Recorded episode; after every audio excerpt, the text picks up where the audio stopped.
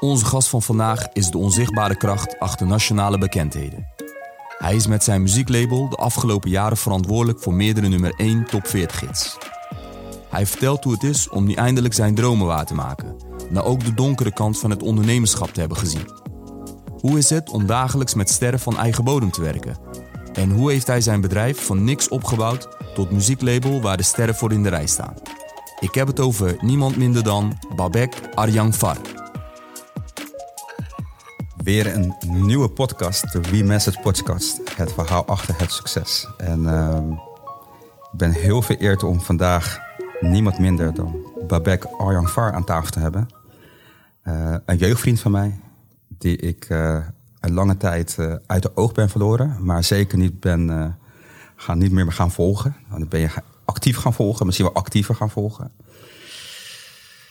Een hele grote stappen heeft gezet in de muziekindustrie. Waar ik heel veel vragen over heb. Want na sport is muziek ook een grote passie van mij. Waar ik ook heel veel energie en inspiratie uit haal. En als ondernemer haal ik ook weer inspiratie uit uh, ja, de, de mannen achter de artiesten. Ja. Die niet altijd in beeld zijn, maar die wel eigenlijk zorgen voor vaak uh, ja, successtrategie van de artiesten. Die misschien een jaar geleden nog helemaal onbekend waren. En op dat moment al het talent zien. En wanneer je, op het moment dat die, die persoon al bekend is, ja, dan is het makkelijk om te zeggen van ja, dat zag ik ook. maar dit zijn de personen die het echt zien. De scouts in de muziekindustrie. De scouts in de muziekindustrie, ja. inderdaad. Uh, zowel label-eigenaar als manager van Rock Music Group. Ik hoop dat ik het goed zeg. Heel erg welkom. En uh, ja, laten we beginnen. Yes, yes, yes. Kan je iets over jezelf vertellen? Allereerst uh, uh, bedankt voor de invite. Um, ja, het, het, is ook een eer om hier te zijn, want uh, ik weet wat jullie doen en, en hoe hard jullie vechten voor hetgene waar jullie pas voor hebben. Dus, en het voelt altijd goed om, om, om deel te nemen aan een, aan, aan, aan, een, aan een movement, aan een beweging, aan, een, aan iemands droom, zeg maar. Want ik ervaar dat zelf ook. En de mensen die voor mij werken, die, die, die, die, die hebben hetzelfde uh, passie en gedachten. Dus, dus ja, ik voel me ook gewoon vereerd om hier te zijn, weet je. En, en te helpen aan, aan bouwen aan, aan jullie dromen, zeg maar. En de tweede, ja, uh, ze zeggen uit het oog, maar niet uit het hart. Dus uh, inderdaad, weet je. Ik, ik heb inderdaad Jermaine een lange periode in mijn leven niet gezien, maar... Hij heeft toch uh, veel, veel over jou gehad. Uh. Ja, ja, ja, ja, ja. Ik bedoel, uh, dat is een, van de jongens die ik, waar, waar, ik mee ben opgegroeid, zeg maar. Ik denk dat we niet veel verschillen qua karakter. we zijn altijd al vanaf jongs af aan gewoon heel erg ondernemend bezig, of, of ondernemend geweest. passievol. Hij voor sport, ik voor muziek. ik denk dat we elkaar ook sowieso al niet anders kennen, zeg maar. hij basketbalde vroeger op het pleintje. Ik basketbalde mee en, en ik zat te b-boy en breakdansen en graffiti spijten. en al die dingetjes. En, uh, en, en, uh, en, en, en het is mooi om te zien hoe, hoe we beide, zeg maar, van hetgene waar we van houden, zeg maar, uh, ons succes mee behaald hebben. Dus um, um, ja. ja. ja. Waar is jouw Voordat we verder gaan, ja. ontbreek je even. Zou je de luisteraars misschien iets over jezelf uh, kunnen vertellen? Ja, ja uh, Babek. Babek Arjan Var. Inmiddels uh, bijna 37 jaar oud. Um, vader van twee prachtige kinderen. Eén van 16 en één van bijna 10 maanden. Um, getrouwd. Um, ondernemer. wat moet ik zeggen? Voor ja, muziek. Um, ben in 1989 in Nederland gekomen en in 1990, denk ik, ja, 1990 ben ik verliefd uh, geworden op het, op het hele hip-hop cultuur. Ik denk dat Jermaine in 19, wat is het, 93 of zo, daar ben ik hem, ben ik hem, heb ik hem leren kennen. 93, 94. Zo lang kennen we elkaar al. Uh, ja, uh, afgestudeerd uh, HBO, eerst MBO ICT. is een mooi verhaal. ik was altijd met muziek bezig. Maar ik ben ook voor de luisteraars van afkomst Iranier. en de meeste mensen die Iraniërs kennen, die weten dat binnen onze cultuur ja, muziek en, en, en, en, en creatieve dingetjes, zeg maar, niet veel voorkomt, zeg maar. De meeste Iraniërs zijn of tandarts of, of chirurg of, of, of, advocaten, dat soort dingen. Dus uh, ja, toen ik mijn vader zei van, joh, ik, uh, ik doe ja, breakdance en graffiti spijt, mijn vader, ben je helemaal gek geworden of zo, weet je. wat, wat, is dit nou, joh? Je moet uh, vaste, vaste basis, weet je. Je moet dokter worden of dat soort dingen. Dus ik zei, nee, dit is mijn droom. Dus ja, ik ben op een gegeven moment wel op, op advies van mijn vader ben ik wel gaan studeren. Heb ik ICT gaan studeren, was ik verdomd goed in. Ben ik gaan werken voor IBM, maar, maar altijd wel uh, passie voor de muziek. Dus op een gegeven moment wel, uh, op een gegeven moment wel uh, gezegd van, nou ja, dit is, dit is niks, zeg maar, weet je. Ja. Ik, wil, ik wil mijn droom volgen. Ik, ik deed het ook daarvoor. Ik was, oh ja, een belangrijk punt ook. DJ geweest, zeg maar. Want daar komen we straks wel op. Um, ja, toen ben ik eigenlijk ben ik, uh, ben ik teruggegaan. Dan ben ik uh, gaan kijken wat, uh, wat, wat, wat, wat is iets wat aansluit bij hetgeen waar ik van hou, zeg maar. Het, het, muziekgedeelte. Nou, toen ben ik gaan zoeken. Toen kwam ik media en tent uit. toen ben ik dat, dat gaan volgen. Ben ik gaan inschrijven HBO in Holland, in Rotterdam. Ben ik dat gaan ben ik dat gaan volgen. Toen ben ik eigenlijk voor het eerst in, in aanraking gekomen met Philip Kotler en Grondslagen van Marketing. Ik denk dat jullie die ook wel kennen ja, toen dacht ik, oké, toen vielen alle puzzeltjes. dacht ik, oké, dit, dit is het. Dit, uh, dit is interessant. En ik was altijd ondernemend bij, maar ik wist niet hoe, in welke vorm ik dat kwijt moest, zeg maar. En toen kwam ik dat tegen en projectmatig werken. En toen dacht ik, oké, dit is, uh, nu vallen de puzzeltjes bij elkaar, zeg maar. Ja. Of in elkaar. Um, en dan ben ik gaan volgen, eerste semester, tweede semester. En, uh, en, en, ben ik me verder in gaan verdiepen. En uh, ja, zo zijn er toch heel veel dingen tot stand gekomen. Maar daar komen we zo op. Zeg maar. dus, dus ja, een stukje introductie, zeg maar. Ja. Wie, wie, ik ja. ben, zeg maar. Heel mooi. Ja. Um, je geeft aan dat je op een gegeven moment, dus in 93, werd je verliefd op de hip-hop cultuur. Ja. Wat zorgde ervoor dat je zo verliefd werd en dat je ook wist van hier wil ik meer mee gaan doen? Um, nou ja, het begon eigenlijk bij, bij, bij de, eerste films die ik zag, weet je. Uh, Beat Street en, en, en Rock the House, zeg maar. Ik, ik weet het niet. Ik, ik, ik, op een of andere manier trok mij dat hele... Het, het, het, het dynamische, zeg maar. Het hele creatieve. Het, het, het hele straat, zeg maar, de, vibe, alles, alles dat ik, ik, ik voelde dat. Ik voelde het, het b-boyen, zeg maar, want ik ben eigenlijk begonnen als, als eerste, zeg maar, soort van met breakdansen. Ik echt breakdansen overal in Rotterdam 010 en, en, en, en op, op onze basketbalpleintje hadden we kartonnen dingetjes. En op een gegeven moment ben ik zeg maar echt, echt uh, ik zie je mee voor mij lachen, weet je, maar ik kan zich echt wel echt herinneren. Uh, en, en ik, uh, weet je, ik graffiti spuiten, weet je, dat soort dingen. Ik, ik weet niet, ik, ik, ik, vond dat, uh, ik vond dat vet, weet je. Het hele baggy, uh, voetbal, saupo, de hele vibe, alles, alles trok mij gewoon aan, zeg maar.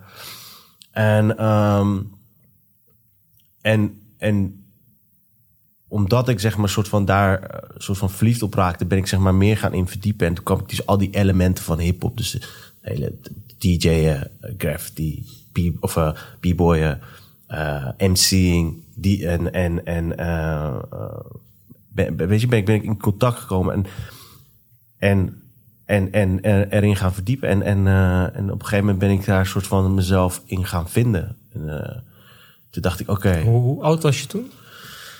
Ja, ik was ik was zes jaar toen ik naar Nederland kwam, dus ik wij praten echt tot ik denk was ik tien was of zo, tien ja. elf. En toen wist je het al ik, ik wist wel echt, ik wist wel vanaf, ik wist heel jong al dat ik uh, carrière in de muziek uh, ja. Ja, dat, dat is iets wat mij heel erg bijblijft, zeg maar. Dat vanaf een hele jonge leeftijd wist jij van, ik ga iets maken in de muziekindustrie. Ja. Waarbij wij zoiets hadden van, ja, het zal wel. Want dat was die tijd eigenlijk, hè. Want uh, muziekindustrie was niet de industrie waar je voor koos, zeg maar. Ja. Zeker niet de urban industrie bedoel, daar was niet echt veel geld mee te verdienen. Nee. Helemaal niet in die tijd. Nee. Maar jij was er altijd mee bezig, heel gedreven. Ja. ik kan me zeker ook de gesprekken met je vader herinneren. Daar heb ik ook wel soms aan deelgenomen. Dat hij inderdaad zei van, weet je wel, kies nou voor ja, de zekere pad. Maar je hebt altijd gekozen toch voor de, de risico's, zeg maar, in het vak. Ja. Ehm, en uiteindelijk heeft het gebracht waar je nu bent. Ehm, waar ik ook direct nu nieuwsgierig naar ben. Want je kwam op zesjarige leeftijd uit Iran uh, naar Nederland. Wat was de reden dat jullie hierheen kwamen? Uh, de oorlog. Iran zat in de oorlog met, met, met, met, met Irak. Dat was het eigenlijk. Dus um, en een betere toekomst voor ons natuurlijk. Mijn ouders wouden gewoon een betere toekomst voor, voor, voor, hun kinderen. Dus die hebben, die, die hebben dus die stap gezet om naar Nederland te komen. Eigenlijk was de intentie eigenlijk om naar Amerika te gaan. Want de meeste Iraniërs zijn na de revolutie of naar, naar Amerika gegaan of naar, naar Zweden, zeg maar. Ja. Canada. Dus mijn vaders kant woont ook allemaal in Amerika, zeg maar. Dus dat was onze intentie, maar we zijn in onze weg zijn we toen uiteindelijk hier beland in Nederland. Nederland was in die tijd ja, vrij uh, open en coulant en een immigratiebeleid was, was, was, veel wat anders, zeg maar. Weet je? Dus we hebben ook uh, nooit echt lang in een soort van een AZC gezeten, weet je. Dus dat ze gelijk hier komen, eventjes uh, de procedure volgen en, en vervolgens kregen we een huis in Leiden en, en, en Sindsdien uh, zijn we nooit weggegaan, zeg maar, uit Leiden. ja. ja, maar mijn ouders wonen nog steeds op dezelfde plek, zeg maar. In dezelfde buurt. Ik inmiddels uh, niet, weet je. Ik ben vorig jaar verhuisd naar Rijnsburg, maar ik wilde ook nooit, nooit weg uit de omgeving Leiden. Omdat ja, het is een van de, van de mooiste steden, zeg maar. Dus dat was eigenlijk de reden waarom, uh, waarom, waarom, ik, waarom wij naar Nederland zijn gekomen. Dus het was echt een betere toekomst en natuurlijk de oorlog, zeg maar. En was je op die leefde daar ook bewust van? Nee. Nee, absoluut niet. Nee, want het is... Uh, nee, ik wist niet eens waarom we hier waren. Ik, het is gewoon gebeurd. Het zijn allemaal vlagen, weet je. Als ik kijk naar mijn jeugd, weet je. Als ik, uh, als ik uh, terugdenk. Ik herinner me heel veel dingetjes, maar het zijn allemaal bij vlagen, zeg maar. Het is niet ja. dat ik denk van, oh shit, ik ben... Uh, wat ik wel, wel, wel, kan herinneren, is dat ik wel... Ik, ik heb, ik heb wel beelden van, van dat ik bijvoorbeeld. Uh, een van de beelden die ik altijd in mijn hoofd heb, is dat, ik, dat, dat, dat er, dat er een, uh, een, een van de appartementen van, van ons familielid was gebombardeerd. En toen zijn we daar gaan kijken, zeg maar. Dat is een van de dingen, weet je. Dat, dat, dat kan ik me nog wel herinneren, weet je. Dat is, ik denk dat ik dan vijf jaar was of zo, weet je. Um, en wat deed dat met jou? Welke herinneringen, welk gevoel heb je dan bij die herinneringen? Niet, niet echt. Uh, ik, ik ben niet getraumatiseerd of zo, weet je. Mm. Helemaal niet. Nee. Nee. En mijn broertje is uh, in de oorlog geboren, zeg maar. Dus, uh, dus nee, helemaal niet. Nee. nee. En ik merk wel dat jouw verbinding met Iran is nog steeds heel erg sterk. En ook voor mij met de historie ja. van Iran. Ja. Ehm, waar, waar komt dat vandaan? Um, nou ja, het is gewoon, je, je, ik, ongeacht en uh, whatever er wordt gesproken over je land. Ik denk dat iedere, iedere persoon dat heeft. Of je nou uh, Iranië bent, of Turk bent, of Antilliaan bent, of, of, of Afrikaan bent, maakt niet uit. Uh, ik denk als je een beetje verdiept in je, in je, in je, in je geschiedenis, in je, in je cultuur. Dan kom je achter dus dat er zoveel mooie dingen zijn, zeg maar. Dan wat er nu hedendaags uh, naar buiten wordt gebracht. Voor whatever reden, weet je. Um, en, en, en als je daar achter komt, dan denk je, ja, dat, is, dat, dat zijn zulke mooie dingen, zeg maar. Daar moet je gewoon trots op zijn. En ik vind dus dat je dat als, als, als, als persoon die daaruit komt, ondanks woon je hier, of ook al woon je hier, zeg maar, dan moet je gewoon dat kunnen uitspreken. En, en, en met alle respect naar, weet je, Iran heeft gewoon een echt een uh, enorme, groot en, en, en uh, ja, invloedrijke geschiedenis. En ik vind het soms zonde dat er daar niet, uh, dat dat soms vergeten wordt door de nieuwe generatie. Ja. Dus, um, en ik vind gewoon dat je dat soms moet zeggen, weet je. Ik, ja. ik vind dat een soort van mijn verant verantwoordelijkheid is, zeg maar. Weet je? Ondanks alle bullshit die, die, die naar buiten wordt gebracht. Uh, dat, dat ik ook gewoon de andere kant moet laten zien, zeg maar. Ja. ik denk dat het ook met generaties te maken heeft. Ja. Weet je, wij zijn natuurlijk, uh, mijn ouders zijn ook als gastarbeider hier gekomen. Ja. ja, dan krijg je toch wel iets mee van de cultuur. Maar als ik dan kijk naar mijn eigen zoon, dan ja, dat gaat denk ik toch wel iets minder worden. Ja, maar dat heb ik ook met mijn oudste zoon, heb ik dat ook. En, uh, en ik heb bijvoorbeeld, het verschilt zeg maar. Mijn, mijn broertje heeft dat misschien iets minder. Ja. Weet je? Maar ik heb ook andere familie, mijn nichtjes en zo, die zijn ook getrouwd, weet je, met of een Nederlander of, of met een, met een andere, uh, uh, iemand uit een andere cultuur.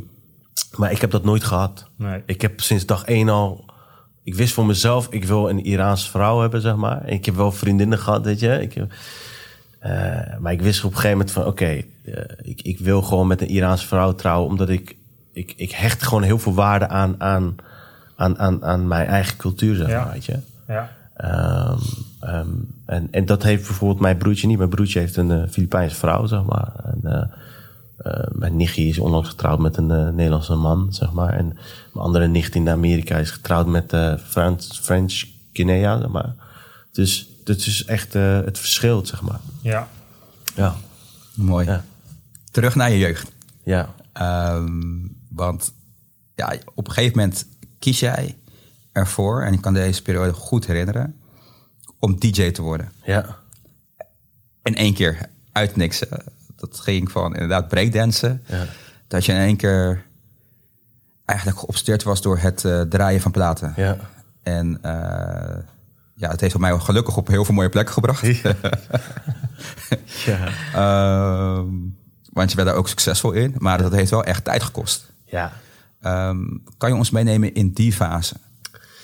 Ja, dat is ook een mooi verhaal, zeg maar. Dus ik... Uh ik, ik, ik, ik, had een, het, ik, ik, had een, ik, ik, ik, had een vriend, ik heb hem nog steeds hier, Daniel. Ik weet niet, het broertje van, uh, van Damoen. Ik, en die had een, uh, ik kwam op een gegeven moment bij hem thuis en die zei, uh, die was daarmee bezig. Die had dus een, een, een, een, een, een mixer en een soundlab.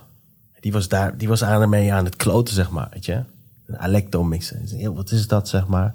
En ik had dat natuurlijk ook gezien natuurlijk in die, in die documentaire, in die films. Dus hij zegt, ja, uh, ik, ik, ben aan het DJ'en, en, uh, en, uh, maar ik, ik vind het helemaal niks. Ik zeg, nou, weet je, wat, wat ga je doen? Hij zegt, ja, ik, ik weet niet, ik wil het gewoon weg doen verkopen. Ik zeg, nou, ik, ik wil wel die mixer hebben, zeg maar. Um, en toen zei ik, toen zei ja, wat heb je voor over? Ja, wat, heb jij voor over, zeg maar. En toen was het destijds, was het dus WK 94, volgens mij, hebben we het over. En hij zegt, ja, ik zou graag wel een, uh, een t-shirt willen hebben van, uh, van de Italiaanse team. Oké, prima. is true, true story. Um, en ik heb er nog een paar van zulke, zeg maar, in mijn carrière. Toen zei ik, oké, prima. Toen ben ik, zeg maar, toen ben ik, toen, toen ben ik naar de stad gegaan. Toen ben ik naar Woudbergens gegaan. En toen heb ik die t-shirt gestolen. Echt, true talk. ik heb die t-shirt gestolen. ja. En dan ben ik naar hem toe gegaan. En dan heb ik gezegd, hier heb ik die t-shirt. Echt serieus. En toen, hij was verbaasd. En toen heb ik mixer gekregen en die sound. ja. En zo is het begonnen, zeg maar. Toen ben ik, uh, ja, toen ben ik begonnen in mijn, in mijn, kamer. Uh, toen had ik een, mixer en soundlab. En voor de mensen, mensen die niet weten wat een soundlab is... dat is een plaatspeler met een snaar uh, aandrijving, zeg maar. Ja, dus de technisch, dat was eigenlijk een soort van de... de de, de, de high-tech ding, zeg maar. Dat was motorisch gedraaid. Je wist van, oké, okay, als je op de techniek zat, dan had je gewoon de, de real deal. Weet je, die ding kostte ook gewoon 1100 gulden destijds, zeg maar. Dat zijn, waren de pioneers van nu, zeg maar. Ja.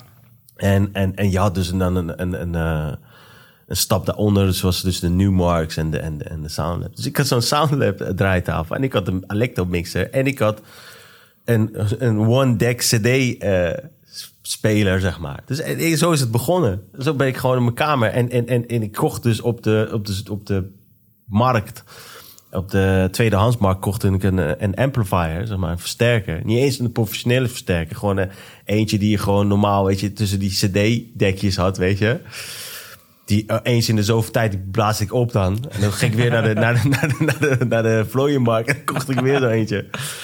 En zo is het begonnen, zeg maar. En, en, en, ik, en, en dat kon natuurlijk nooit. Want ik, ik, en ik ben zo zeg maar, gaan leren pitchen en, en mixen. Maar dat kon natuurlijk nooit. Want de ene draaitafel had een pitch. En, en een pitch is dus, dus je, je, je kan dus de snelheid van jouw eh, plaat kan je verst- verstellen, zeg maar. Ja. En als je iets wil mixen, dan moet je dus dezelfde BPM hebben. Ja. Maar dat kon natuurlijk niet. Dus ik zat gewoon te kloten. En ik deed dat net zo lang totdat ik op een gegeven moment leerde eh, mixen met een, met een, met een eh, één draaitafel en een, en een CD-speler. Ja. En die CD-speler had natuurlijk, die track had altijd dezelfde BPM. Dus ik was altijd bezig met die draaitafel aan. Dus zo is het eigenlijk begonnen, zeg maar. En, en ik vond het super vet. Dus ik was gewoon op, obsessed. Eh, en ik was ook gewoon een jongen die niet veel opviel, zeg maar. Dus al, al qua uiterlijk, zeg maar, weet je. Ik was nooit een jongens- of, of een meisjesjongen. Dat, wa- dat waren twee vrienden van mij. Dat was één, eh Jermaine, die tegenover mij zit. En de andere was Heini, zeg maar. Dat waren eigenlijk, ja... Dat Is waren, nog steeds zo hoor. dat waren eigenlijk de, de, de, de, de- ja, dat, dat waren gewoon de, de, boys die de, de chicks hadden, zeg maar. En, en Eddie Clip was gewoon een, altijd een, een, een, een, een normale jongen erbij, zeg maar, weet je. Maar al mijn geld ging echt uit naar platen. Ik kocht al mijn geld gewoon Klopt. platen, zeg maar. En mijn, ik weet nog, mijn moeder, die werd helemaal gek, weet je. Want, joh, wat, wat, wat doe je nou allemaal, weet je? En, ehm, Want Zo- je had ook niet echt een hele grote kamer. Het was, Nee. was een klein kamertje. Ja. En er bestond denk ik uit de helft uit platen. Ja, ja, dus het was een helft platen, één bed. En ik had één groot Tupac poster boven mijn bed hangen. En ik had dus basketbal op, op, op posters hangen. Want ik, ik heb ook een tijdje nog geprobeerd te basketballen, zeg maar. Maar dat is op een gegeven moment is dat niet meer... eh, die, dan ben ik niet meer, niet meer verder gegaan, zeg maar. Mijn broertje wel. en Jermaine zeker nog, nog een paar jaar. En, ehm, en ik ben zeg maar dat zeg maar gaan ontwikkelen. En, en ik begon in mijn kamer. En op een gegeven moment ging het eh, naar, naar, naar de buurthuis. Die jongerencentrum. Dat hadden we in Leiden, Breehuis. En je had de OIC in Voorschoten. En vanuit daar werd het op een gegeven moment van... hey, we geven schoolfeestjes vroeger. eh, en, en, en, en, en had je dus de grote zaal... Had je dus dan, er werd dus dan een drive-in show eh, geboekt, weet je. Voor 538 of, of, of wat dan ook. En in die kleine zaal, ja, daar stond ik te draaien, zeg maar. En, en, en zo begon het, zeg maar. Eh, en eh, nou, van, van, van, de, van, van mijn kamer ging het dus naar de buurthuis, naar, naar mijn school. En, en, en langzamerhand kwamen dus de eerste boekingen eh, binnen, zeg maar. Dus toen had je Leiden, had je nog, wat is het, LVC. En toen op een gegeven moment in Casa. nou ja, in Casa was natuurlijk de, de club. En ik weet nog als klein kind probeer ik daarin te glippen met valse ideeën, zeg maar. Ja. en we probeerden daar binnen te komen. En soms lukte het, soms niet. En dan zag ik daar Moordje draaien en, en Cover Squad en, en, en, en Party Squad en zo. Dus, dus dacht ik, oh, ik, ik ga hier ooit staan daar. Nou, uiteindelijk is het eh, een soort van vaste plek geworden... waar ik ook eigenlijk ook gewoon feestjes organiseerde. En ik begon feestjes te organiseren... want ik moest mezelf op een gegeven moment eh, wegzetten, zeg maar. Nou, als, Ja. jij, als jij niet als jij niet geboekt wordt, dan ja, moet je zorgen dus dat, dat, dat je zelf gezien wordt. Dat je Ja. zelf dingen organiseert, zodat mensen denken, hé, hey, je staat erop. Zeg maar. Ja, want ik denk dat dat ook een heel belangrijk proces is. Eh, want als DJ ben je ook een artiest. Ja, Eh, maar hoe ik jou altijd gezien heb is... Je was ook altijd bezig om jezelf zeg maar in de markt te zetten. Ja. Dus je zat ook direct al een business Ja. kant aan. Ja. En het ging toen ook in één keer heel snel dat je... DJ Skills, ja, ja, dat jij eh, naar buitenland al ging. ja, En, en dat vond ik ook altijd van, ja, je droomde eigenlijk altijd heel Ja. groot. ja, En eh, waar denk ik veel mensen denken in misschien beperkingen, geloofde jij al van, hé, ik sta straks ja. in het buitenland te draaien. Weet je wat gek is? Dat ondernemen, dat zat in mij. Maar ik was daar niet mee bewust bezig. Pas veel later kwam, kwam ik daarachter. Eigenlijk de moment dat ik zeg maar HBO, dus de- de- de- die periode zeg maar in 2000, wat is het, 2005 of 6. Toen, toen ging de knop bij mij om van, hey, ik, ik, ik, ik, ik ben aan het ondernemen zeg maar. Ja. Daarvoor was het alleen maar... al- Alles, eigenlijk alles wat ik in mijn leven heb bereikt, zeg maar... is organisch gegaan. Het is nooit, zeg maar... Ik heb, een, ik heb wel doelen gesteld. En ik stel nog steeds doelen, zeg maar. Een uitdaging voor mezelf. Ja. Maar het is niet... Het, het, is niet, het is niet vo- volgens een soort van eh, een, een, een, Een plan. zeg maar. Nee, nee. Het is, ik ben organisch ingerold in, in, in, in een andere fase van mijn leven, zeg maar. Weet je? Of in een fase van mijn carrière, zeg maar. Ik denk wel dat dat komt omdat je echt je passie hebt geleefd. Ja, je bent echt voor je passie gegaan. Precies. Ik, ik, ik leef nog steeds van mijn passie. Ja. Weet je, daarom werk ik misschien, eh, ja, onbewust eh, ben ik eh 100 uur aan het maken in een week. Ja. Weet je, waar, we- waar we misschien straks op komen. Dan. Maar Jij volgens mij, voor mijn gevoel, heb jij nooit gewerkt voor een werkgever. Je, jawel, want Ja. ik heb, jawel, mijn allereerste baantje was Xenos, 16. En Ja, toen maar heb ik bij na, je King- studie, zeg maar. Nee. Na je studie. Je hebt wel bijbaantjes gehad? Ja, nee, ik heb, ik heb dus... Dat is ook een mooi verhaal. Dus in 16 ben ik, ben ik gaan werken voor Xenos. En toen werkte Jermaine werkte voor Burger King. Ja, klopt, klopt. Het was echt een gouden tijd. Dat is echt... Man, als ik daar terugdenk. En toen ben ik voor Burger King gaan werken. Eh, en, en, en- en- samen met deze man. En, en, eh, en, en Jullie zijn gewoon collega's geweest. Ja, Ja, zeker, man, ik heb een avond meegemaakt. niet En, en je, normaal. je wil echt niet weten wat daar allemaal gebeurde. We kunnen daar echt een boek over schrijven Ja, van de Burger King avonden. Ja, ja. Want het ging tot twee uur s'nachts door, zeg maar. Ja. En we zaten op station. Ja. Dus ja, alle mensen die uitgingen, die kwamen daar langs. En de gekste dingen hebben daar. Dus da- en daarna heb ik, ik heb heel kort, want Albertijn opende zeg maar de eerste eh, winkels in de Centraal Station, zeg maar. En Leiden was, Leiden is altijd een soort van teststation geweest. Leiden was de eerste waar ze openden. Toen heb ik daar één, één, één maand proefperiode gewerkt. En daarna heb ik, oké, daarna is het niet meer. Daarna dacht ik van, oké, ik, dit, dit is niks. Ik ga mijn dromen achterna. En ehm, dat was een moment dat je. Dat is ook een belangrijk moment dat vaak mensen eh, een keuze moeten gaan maken. Weet je, van oké, ik ga ik die risico nemen of niet risico nemen? Ja. Je kan niet met één been erin zitten, en ander been Nee. niet. Je moet die stap zetten of niet, Of zeg niet, maar. ja. Weet je, dus en, en ik heb op een gegeven moment gezegd: Oké, ik ga niet meer werken. Ik ga focussen op hetgeen waar ik voor, van hou. Dus dat draai. Dus ik draaide, ik verdiende mijn geld, zeg maar. Ja. Eh, ongeacht, of, ongeacht dat wat mijn vader dacht, zeg maar, weet je. Mijn vader dacht tot nee, deze jongen is gek geworden en hij moet gewoon zijn studie volgen, zeg maar. Eh, leefde ik eigenlijk van mijn DJ eh, geld, inkomsten en, en mijn studiefinanciering, zeg maar. Weet je. Ja. Dat bij elkaar was soort van hetgeen wat ik, waar, ik, waar ik van leefde. Maar ik wist wel, dat gaf me wel ruimte om mezelf te ontwikkelen binnen hetgeen wat ik, wat ik wilde, zeg maar.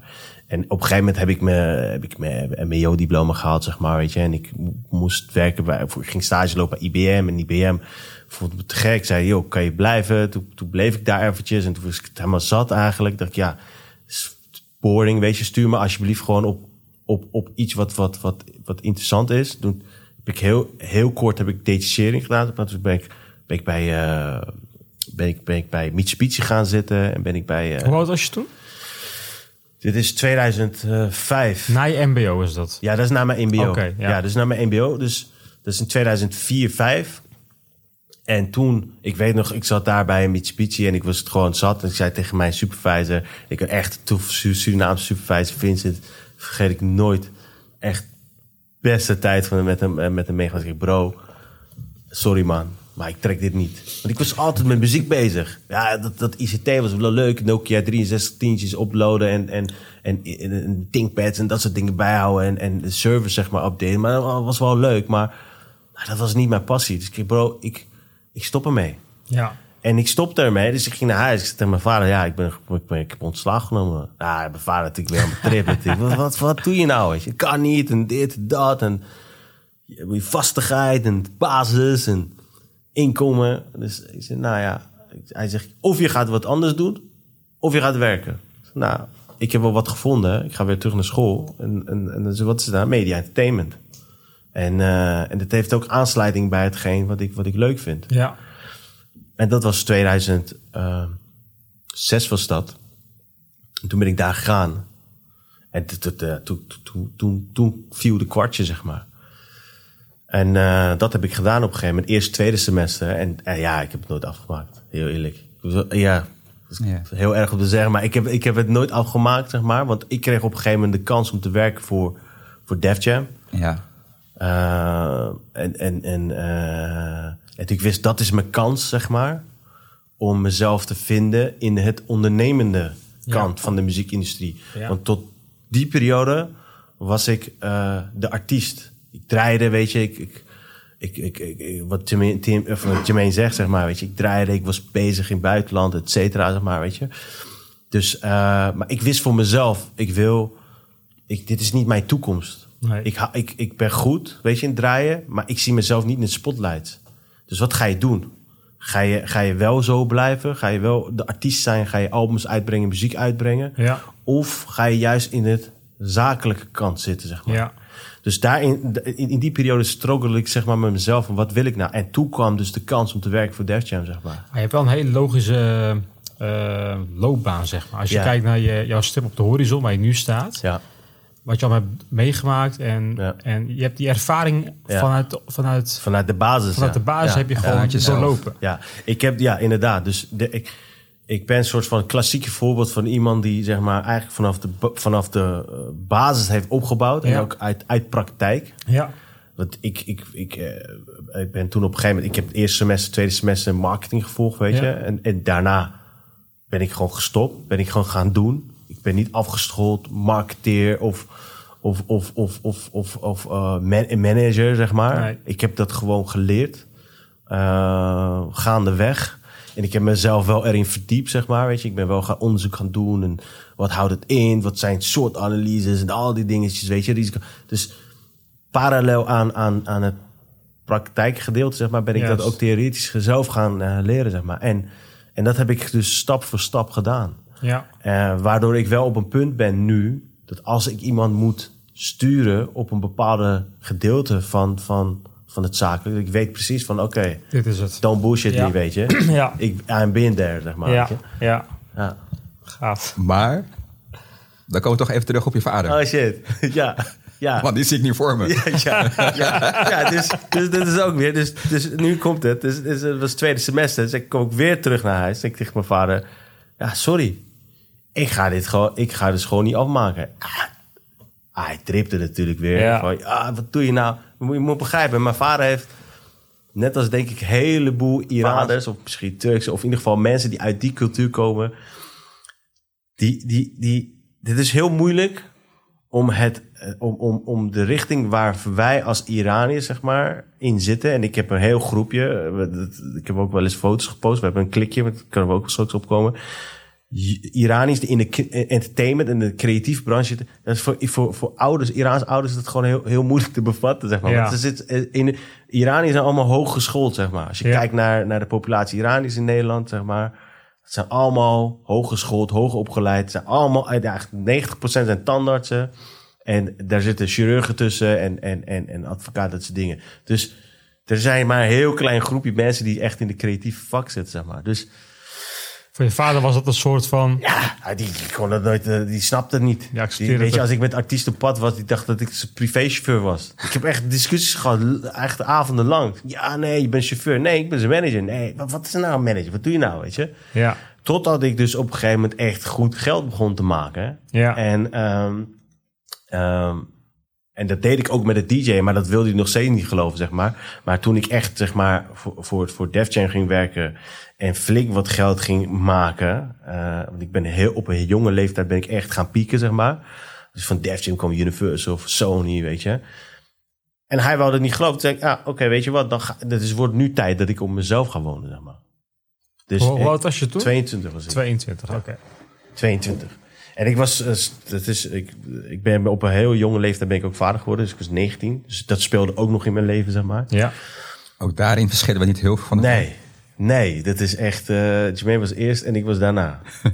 ja, kon het nooit geloven, zeg maar. Ja. Maar, maar het was echt zo. Maar je zei net dat je niet onder eh, de dames zeg maar populair was. Maar Nee, toch dus ik had maar als, als eh, DJ... eh, Nou, dat is wel, kijk, dat was in het begin. Hè. Dus op een Ja, gegeven ja. moment, toen, toen, toen ik begon te draaien en ik zat op al die feestjes en ik kon Ja. allemaal gratis kaartjes regelen. Ja, toen was het nog Ja, eens- ja, ja. toen was het andere koek, zeg maar. Weet je? En, en, en, en ja, ik, op een gegeven moment is het wel, zeg maar, eh, ben ik wel wat populairder geworden, zeg maar. En eh, had ik een vriendin en, eh, eh, en toen is het dat, zeg maar, mijn eerste zoon uitgekomen. Ehm, maar toen ben ik zeg maar echt uit huis gegaan. Toen zei ik, oké, weet je wat? Ik ga het gewoon, dit wordt gewoon tijd. Het is, ik, het is mooi geweest. Ik, ik, ik ben 22. Ik kan ook niet meer. Ik moet gewoon echt uit huis. Toen ben ik op mezelf gaan wonen samen met mijn broertje. En vanaf dat, zeg maar, ja, dan, dan, dan neem je gewoon een grote stap. Een verantwoordelijke, een verantwoordelijke stap. Ja, dan moet je gewoon gaan, gaan, gaan bouwen, zeg maar. ja. ja. En dat ging heel goed. Heel lang. ja, alleen de druk van je vader. Dat is dus eigenlijk je hele jeugd is het aanwezig geweest. hè? Ja. Eh, ook van je ouders, zeg Ja. maar. Ehm, Mijn moeder niet, hè. Mijn moeder was... Mijn moeder is echt... eh, mijn moeder is net als ik. Ik ben echt de tegenovergestelde van vader. Ik heb al echt...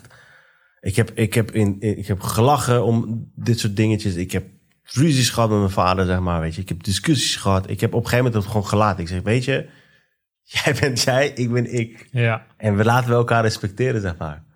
Dus, ehm, ehm, ehm, ehm, dus mijn moeder en ik zijn echt he- he- bijna op, op, op, op één hand eh, hetzelfde, zeg maar.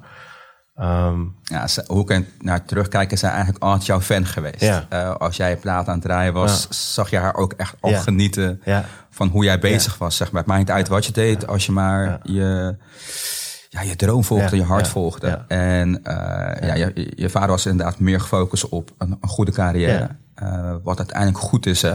Ik bedoel, uiteindelijk is het beschermen van, Ja. je, Ja. van je kinderen. Ehm, ik snap het ook wel, want ik zit gewoon... Dus, kijk, ik zeg wel, ik, zeg, ik verschil heel veel van mijn vader, maar op een paar dingetjes... Soms betrap ik mezelf dat ik eigenlijk niet, niet zoveel van verschil. Nee. Want ja, Want je hebt ik nu zit hetzelfde... ook hebt ja, precies. Ik Ja. heb er zoveel 16, weet je. Ja. En dan zit ik gewoon hetzelfde verhaal te verkopen Ja. tegen, mijn, tegen mijn zoontje. Denk jij, damn, wacht even. Wacht even. Jij Ja. was toen... Maar wat ik wel anders doe, is dat ik... ik ik probeer wel mijn zoon, zeg maar, van, van joh, je moet wel, eh, je moet wel denken aan een carrière, je moet wel denken aan vastigheid, of in ieder geval, je moet wel vooruit proberen te denken. Van hey, oké, het is het, als je nu je tijd aan het besteden bent aan school, doe het niet zomaar, weet je. Eh, denk wel na, weet je. Ook al is het moeilijk, want ja, het is 16 jaar. Dus ik denk aan mezelf op 16. Hij, hij vraagt aan mij van, wist jij op je 16 wat je wilde? Ik zeg, ja, ik wist het wel. Maar hij zegt, ja, jij bent een uitzonderlijk geval, want jij, jij was op jonge leeftijd al Ja. begonnen. Zeg maar maar, dat klopt ook wel, wat hij zegt ja, dan.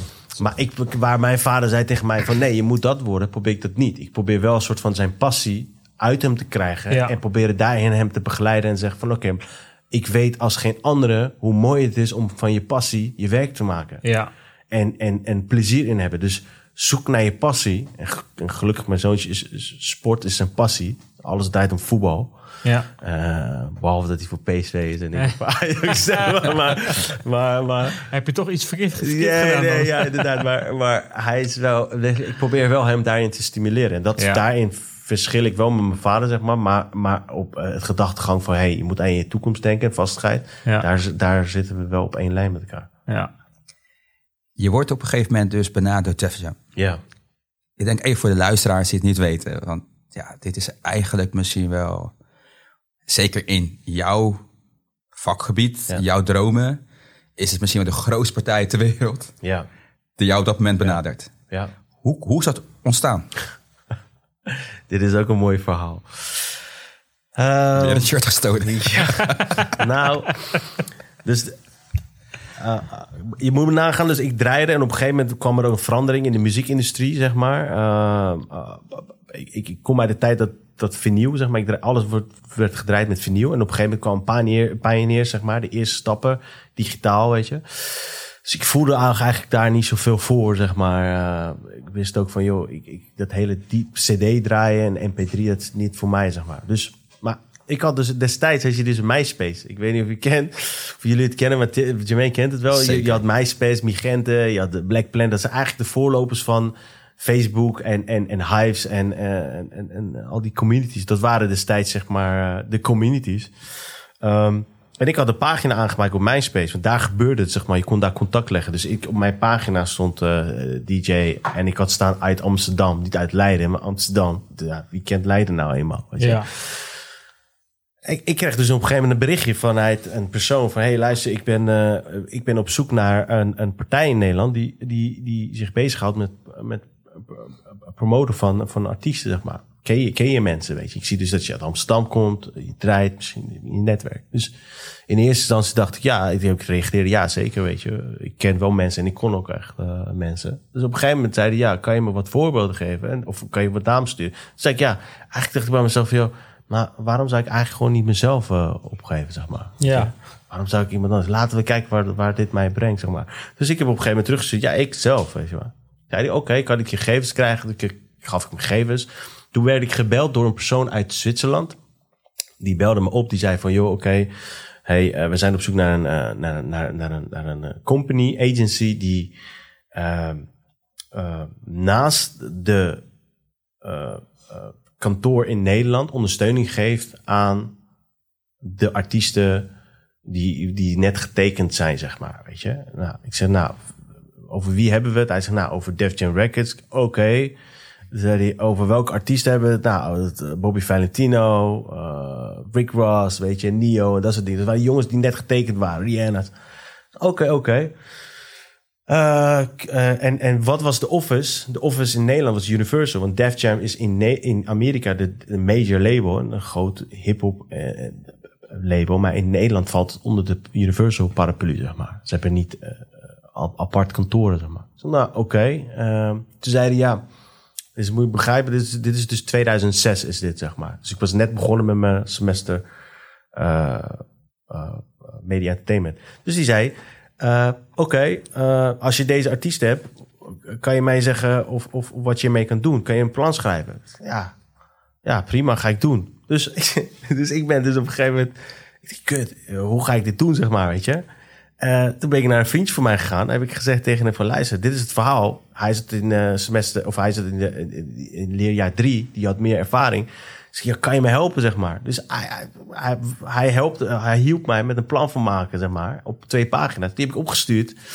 en op een gegeven moment ben ik gebeld. Ja, echt serieus. Op een gegeven moment ben ik gebeld door, door, door, door een persoon uit UK. En die zei, hey, het ziet er interessant uit. Ik wil met jou een, eh, met, met jou een afspraak inplannen. Ik kom naar Amsterdam. Dus oké. Dus die kwam naar Amsterdam. En eh, dat is eigenlijk wel de persoon die mij eh, in deze game heeft gebracht. Zakelijke game. Dat, is, dat ben ik voor eeuwig dankbaar. En ik spreek hem zo af en toe wel.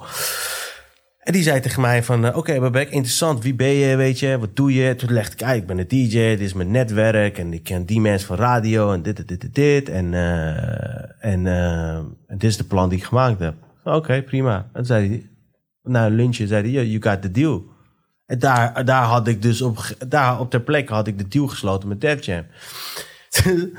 dus ik zei, oké. En ik kreeg dus gelijk cd's, samplers, video's, alles kreeg ik dus gelijk opgestuurd. Bam, in mijn huis. En ik zat daar. Ik had nog geen bedrijf. Ik had dik, zeg maar. Weet je, dus, dus ik zei, oké, oké, Bebek. Had je het besef wel dan? Nee, ja, nee, ik, ik, ik, ik, ik had me erin gebluft. Ja. Maar op een gegeven moment dacht ik, oké, je, je hebt je erin gebluft. Nu moet je gewoon waar gaan maken. Ja. Dus En dit Weet is je? volgens mij wel een patroon die bij jou vaker terugkomt. Ja, zeker weten. Dat is zeker Dat is- weten. dus, dus, Ja. dus eh, toen ben ik dus op dezelfde dag ben ik naar een KVK gegaan. Heb ik een bedrijf opgezet, eh, Rock Music Group. Van, yo, ik ga gewoon de boel rocken, weet je. En, eh, en Music Group als in van, yo, het is gewoon een groep binnen de muziekindustrie. En, en ik heb dat opgezet. En ik ben aan de slag gegaan met de eerste artiest van Def Jam. En eh, dus ik belde iedereen op van, dus ik, ik moet dit waarmaken. Dus ik belde mijn contacten op bij, bij State Magazine en in- bij, bij Funix en, en Fan, weet je. Ik Hey, ik heb Bebek hier, hey, hoe is het dit en dat? Want ik kwam bij die jongens altijd langs om te draaien of, of in de programma's, zeg maar. Dus Ja. ja, ze zei, hey, Bebek, eh, ja, Bebek hier, hey, ik heb de nieuwe plaat van Bobby Valentino. Deze moet je gaan draaien. Ah, wat lul je nou, Bebek, weet je? Je bent DJ. Nee, ik werk voor Def Jam. Nee, jij voor Def Jam? Hoe dan, weet je? Dat kan helemaal niet. We hebben Universal Office Nee, nee, echt. Dus in het begin geloofde niemand mij, zeg maar. Nee. Dus ik En je was natuurlijk redelijk jong. en ik was lelijk jong. Niemand geloofde mij, weet je. Maar de enige partijen die mij wel geloofden... dat waren die kleine websitejes. Eigenlijk de blogs. eh, eh, die nooit tussenkwamen tussen de grote, grote kanalen. Want Ja. alle, alle, alle interviews en al die belangrijke dingen... die werden gestuurd allemaal natuurlijk naar de nu.nl en dan grote kanalen. Dus al die Ja. kleine dingetjes, die kwamen nooit tussen. En ik begon die, die, die, die kleine dingetjes, begon ik de interviews te geven, de exclusives te geven, dit, dat. Dus op een gegeven moment dachten gewoon, waar dus de Universal Office in Nederland dat niet deed. Dus op een gegeven moment zagen de grote kanalen, denk ik, hé, maar wacht even. Hoe, hoezo krijgt die kleine kut eh, eh, blog eh, een interview met eh, Ludacris en ik zit hier maar te wachten? En toen kwam op een gegeven moment die change van bij, bij de mensen van... hey, eh, eh, wacht even, Bebek is, is de real deal. Hij kan het echt voor elkaar krijgen. En zo begon het, zeg maar. En ik begon echt als een, als een, als een promotor, als een plugger. En, en op een gegeven moment werden er één artiest, twee artiesten, drie artiesten. En toen kwamen dus op een gegeven moment de concertorganisatoren, zeg maar. Die al die artiesten haalden hier naartoe. Redman en Nas en al die jongens, zeg maar.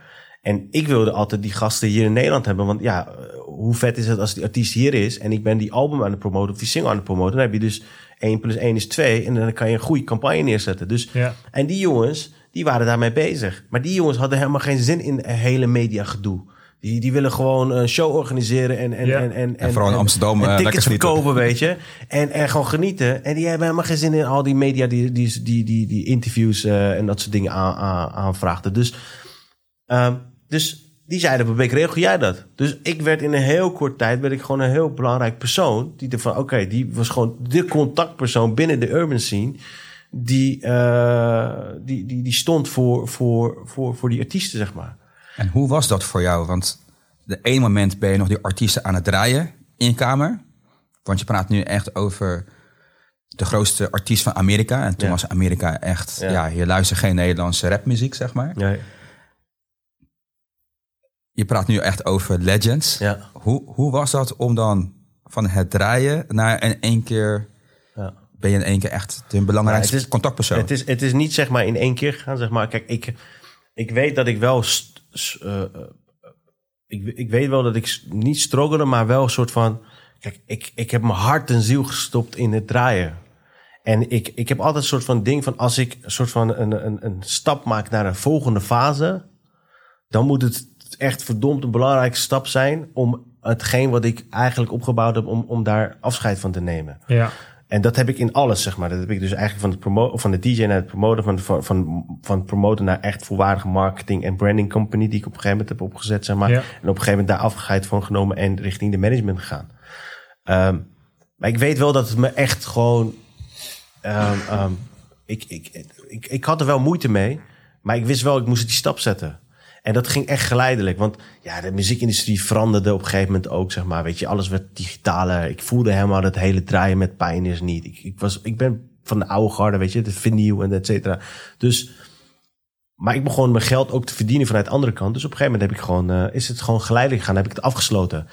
En, en, en, en dan ben ik daar. Ik wist ook van, joh, ik kan niet draaien en, en, en business doen. Dat gaat niet. Je weet bent je weer gaan focussen. ja, je, je kan niet. Kom je weer op hetzelfde punt. één Ja. been in, één been uit. Zeg maar. dat, dat gaat niet. Dus eh, ik, als ik de, de, de business guy wilde zijn, zeg maar, als ik de guy wilde zijn voor, voor, voor, voor achter de schermen, dan moest ik afscheid nemen van voor de schermen, zeg maar. Weet je? Ja. En dat heb ik gedaan. Eh, en dan ben ik zeg maar meer in gaan verdiepen, zeg maar. En, en ehm, ja, toen werd ik op een gegeven moment, ja, dus eigenlijk van iemand die die plaat plugde ook naar iemand die alle pers deed voor, voor de concerten. Vooral binnen de, binnen de hip-hop en urban.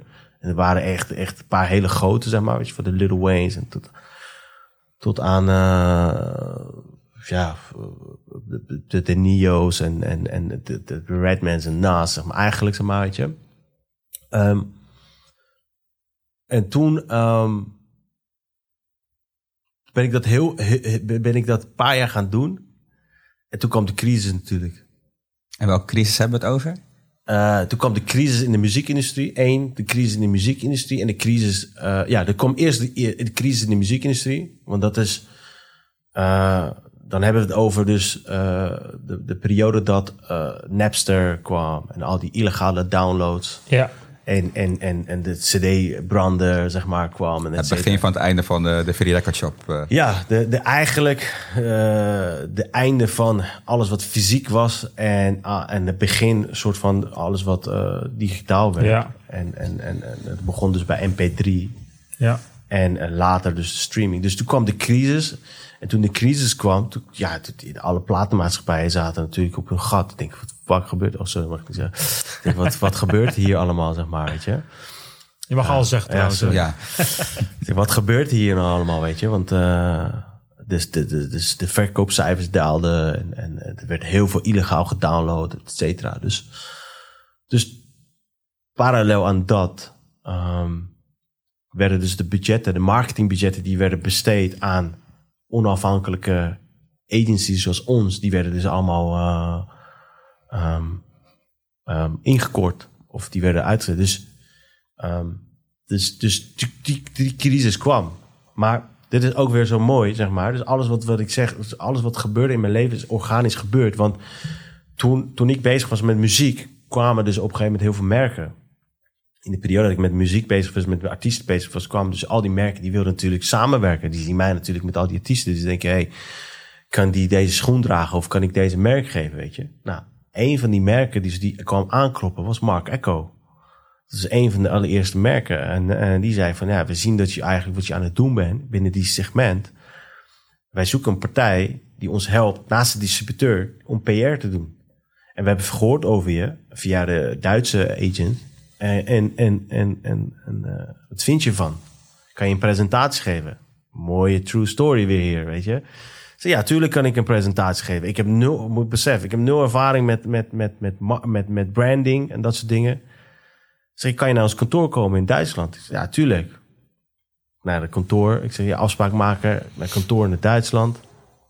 Ehm, onderweg, ik ging vliegen. Ik zeg tegen mijn ouders, ik zeg, ja, ik ga naar Duitsland. Maar, maar mijn ouders, die denken, mijn vader, jongen, weet je, wat gaat allemaal, weer. allemaal aan. Daar Gaat hij weer. Dus ik zat op, de, op Schiphol en ik ging naartoe, helemaal onvoorbereid. Hoe, Ja. ga ik, hoe ga ik deze shit poelen, zeg maar, weet je? Hoe ga ik dit doen? Hoe ga ik deze, dit verkopen? Dus ik zit onderweg en eh, op Schiphol, ik zit een bakje te doen. Ik zeg de kiosk, ik denk, oké. enige hoe ik dat kan doen is natuurlijk, ik moet een presentatie geven. Toen ben ik al die fashion magazines gaan, ben ik gaan kopen. En ben ik dus een mapje gaan kopen. Heb ik al die dingen, eh, die editorials en interviews en al die dingen ben ik gaan uit, eh, uit eh, scheuren. Heb ik in die mapje gedaan. Ben ik daar gaan zitten. En daar hebben ze gevraagd van, oké, ja, we hebben veel over je gehoord. Dat je in de muziekindustrie, heb je ook ervaring met de merken, werken en fashion. Ja, dat heb ik, dit, is, dit heb ik gedaan. Beetje bluffen weer. Beetje bluffen. dit, dit heb ik gedaan. En kijk eens, dit is de Fashion Week. Dit, dit, dit. Oh, oké, interessant. En een mooi verhaal verkondigd daar zo. Teruggegaan. Dus, en einde van de week werd ik gebeld. Hey, you got the deal. En voordat ik wist, was ik, had ik een klant met Mark Echo. Oké. Damn, weet je. I pulled it off, zeg maar, weet je. Hoe ga ik dit weer flikken, zeg maar, weet je. Net als de eerste keer. En, eh, maar... eh, de logica is niet, eh, het, is niet zo moeilijk. Want ik wist van, oké, Jermaine was de muziekjournalist. En ik was altijd met Jermaine op pad. Of ik gunde hem altijd vrije kaart. En, en, en, en, en, hij was altijd interviews aan het doen met mijn artiesten. Dus ik had een goede relatie. Ik zeg, hey Jermaine, maar wie doet bij jullie eh, de, de, de mode en dat soort dingen? Weet je? En dan zegt hij, ja, ja dat is eh, Kim daar. Dat kan je me voorstellen. Ja, eh, Kim, dit is eh Bebek, die doet altijd met artiesten, weet je, geef me dit, dit. Oh, oh, tof, tof. Hey Kim, ken je het merk Mark Echo? Ja, ken ik. Kan je wat voor me betekenen? En voordat ik wist, weet je, zat ik in die, in die wereldje. En zo ging het. En dan gaf hij Kim ook wat kaartjes en, en, en, en, en, zijn vriendinnen en zo. En die deed dat. En zo rolde ik erin. Maar dat was dus, dat was parallel aan het hele muziek. En toen stortte de muziekmarkt in elkaar. Dus toen dacht ik, oké, ik, ik ga niks meer verdienen aan de muziek. Maar ik zie kansen in de, in de mode. Eh, en, en, en, en voor mij was het soort van, oké, hey, dit is wel interessant. Want ik was zeg maar, ik was op een gegeven moment eh, niet meer alleen een, promotor, zeg maar, of een plugger. Ik was op een gegeven moment wel een volwaardige marketingcompagnie aan het worden, zeg maar. Dus die niet alleen muziek deed, maar ook evenementen en, en, dus ook fashion erbij, weet je, en lifestyle. Dus toen kwam Mark Echo en Hypnotic kwam en eh, Nautica en Guess en dat soort dingen. Dus ik rolde helemaal in het mode en lifestyle. En muziek liet ik een beetje achter, achterwege, maar ik had wel altijd wel, het was wel de rode draad, zeg maar, weet je, Ja. in mijn carrière. Ja. Ja, want het waren ook eigenlijk allemaal merken die gekoppeld waren aan Ja. die Ja, branche, zeg maar. ja, en die branche. En, en, en, en, en altijd een branche die gekoppeld is aan muziek. Muziek is altijd wel een soort van rode draad geweest in mijn leven, zeg maar. Ja. In, in mijn business. Altijd alles. Ja, en ik denk in de rapmuziek is het meer dan alle andere branches dat het echt een lifestyle is. Ja. Waar alles samenkomt, Ja. zeg maar. Ja. Het is Ja. één grote ja, mengcultuur ja, ja, waar alles in zit. Ja. En Ja. je kan op elk gebied kan je daar wel business ja. aan koppelen, zeg maar. Ja. Dus eh, zo ben ik zeg maar in, in, in, in, in de mode gegaan, zeg maar. En, en vervolgens, eh, ja, toen, toen, toen kwam dus de tweede crisis eraan. En dat was zeg maar de bankencrisis in 2008, 2009 volgens mij. Waardoor, eh, eh, waardoor het op een gegeven moment ook heel erg lastig werd voor de retail. En, eh, en, en de, de, de, de modebranche en alle, alle, alle merken en zo, die begonnen dat ook te voelen, zeg maar. Maar parallel aan dat weer, dat is grappig, is dus dat de muziekindustrie, die hervond zichzelf, zeg maar. Dus ik heb twee jaar lang, zeg maar 2000, ik heb 2008, 9, 10, 11, nee 2009, 10, 11, heb ik zeg maar echt in de muziek gezeten. Ook samen met uh, Jermaine even een tijdje. Ehm, maar vanaf, vanaf 2000, eh, ja, 2010 verloor ik eigenlijk mijn eerste klanten in, in, in, in de fashion. En uh, in 2011, 12, dat was eigenlijk een soort van. Uh, ja, toen, toen, toen, was ik eigenlijk. Toen was ik, was, toen was ik klaar met het hele lifestyle en mode. En toen was ik ook eigenlijk klaar met heel marketing voor mezelf. Ik was, ik was het helemaal zat. Ja. En ik was op zoek naar een nieuwe uitdaging. En, en hoe, hoe zat je op dat moment? Want je, je was ondernemer eigenlijk altijd. Ja. je hebt altijd met risico's geleefd. Zo ken ik jou. Uh, hoe heb je die periode zeg maar overleefd? Hoe... Oef, een heel moeilijke periode. Ik heb uh, in de periode dat de bankcrisis was, was gewoon ook is, is, is, een, is een moeilijke en een zwarte periode in, in, in mijn carrière. Of in, in, in mij gewoon, in mijn carrière en ook als persoon zijnde. Want um, kijk, ik ben, ik ben ik ben niet geschoold econoom of ik heb niet bedrijfskunde of dat soort dingen. Ik ben het gewoon gaan doen. En met, met zomaar doen, dan val je en, en, en sta je, zeg maar. Ja. Dus ik heb heel jong heel veel geld gemaakt, maar ik heb ook heel jong heel veel geld verloren, zeg maar. Want ik wist niet hoe ik met, met, met, met, geld moest omgaan. Ik had niet financieel management of ik had niet fiscaal, ik had een boekhouder, maar die boekhouder die, die deed ook gewoon wat moet en ik verdiepte niet erin. Dus in de periode dat ik, um, in de periode dat ik eigenlijk uh, de, de, de, de mode- en lifestyle klant verloor, zeg maar, en ook eigenlijk in die, in die crisis zat, toen zat ik gewoon in diepe schulden gewoon. Toen kwam ik erachter dat ik eigenlijk gewoon een zootje van had gemaakt, zeg maar. Ja. Oké, okay, want ik weet nog dat een goede vriend van mij zei tegen mij, hij belde me op. Ik kan het ik echt, kan het als geen dag herinneren. Zei, Bebek, ik ga je één ding zeggen. Uh, als je nu niet alles stopt, ben je failliet morgen. Kan je jezelf failliet verklaren. En uh, die heeft mij eigenlijk inzicht gegeven in eigenlijk het hele belastinggebeuren, zeg maar. Ja. Want ik was altijd omzetbelasting aan het betalen, maar nooit IB-belasting. Wist wat de fuck was IB-belasting? Nee. Weet je, dan kwam je later. Dat is klassieke fout van elke ondernemer of iemand die onderneemt in, in het begin en die, die niet weet.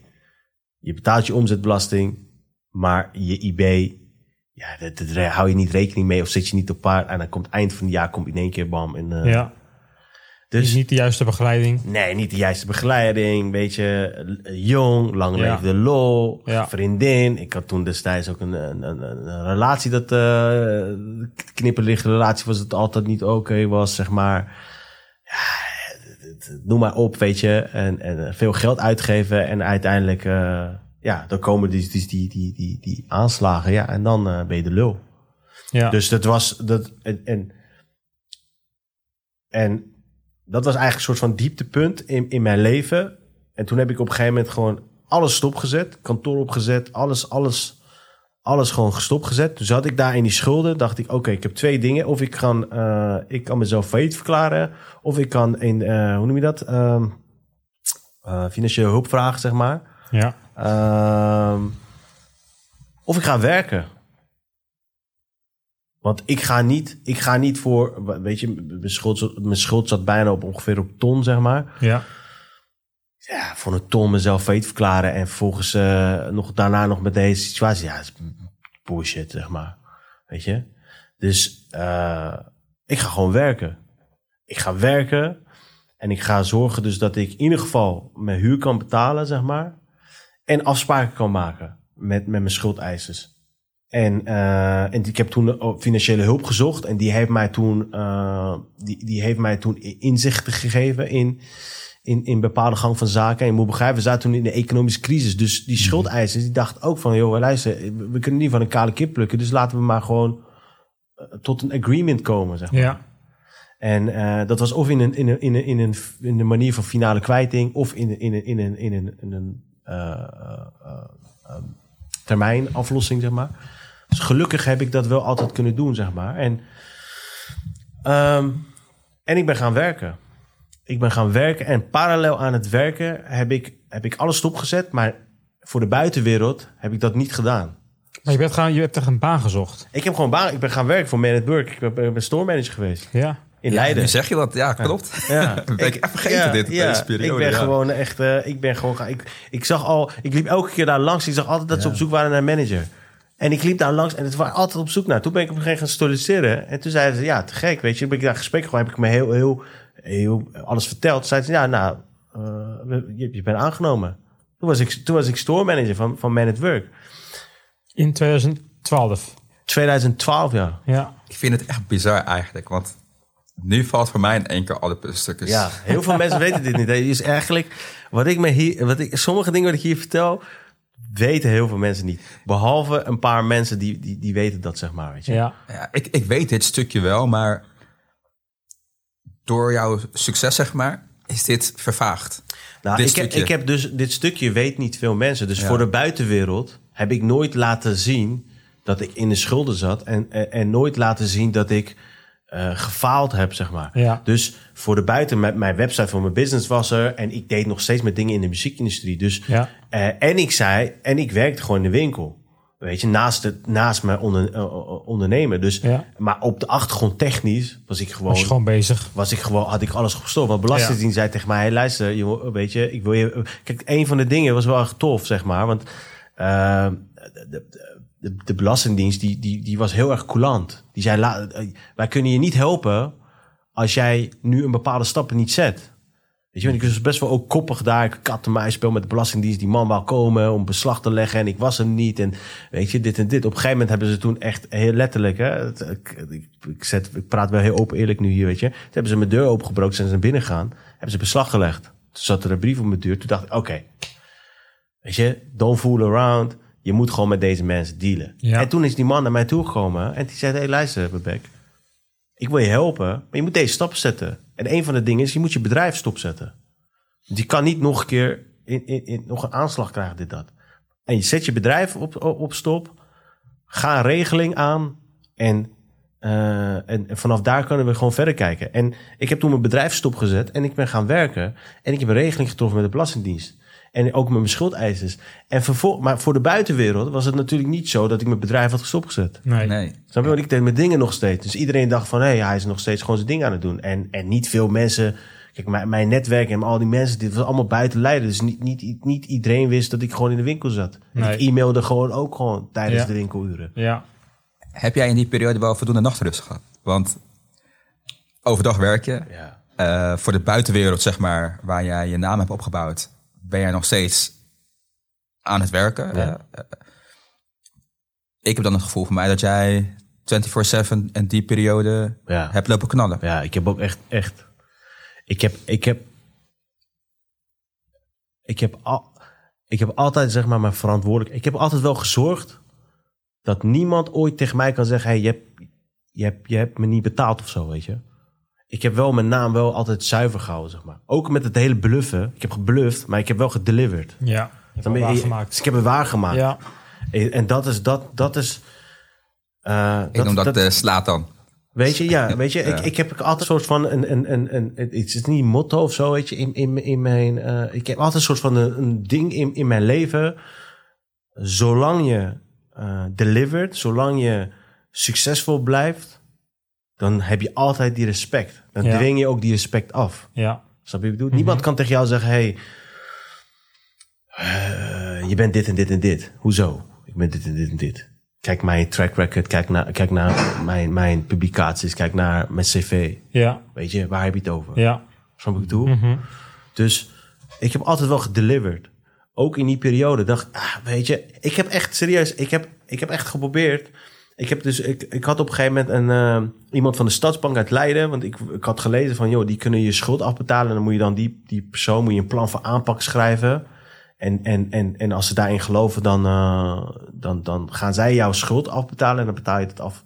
Heel plan geschreven. Ik moet begrijpen, dit, mijn bedrijf was gestopt. Ik werkte.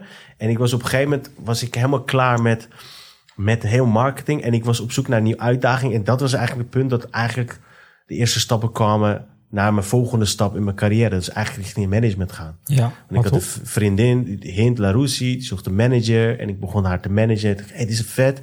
En ik had dus eh, Tim, je broer. Die kwam altijd bij mij op kantoor. Die wil altijd gesponsord worden.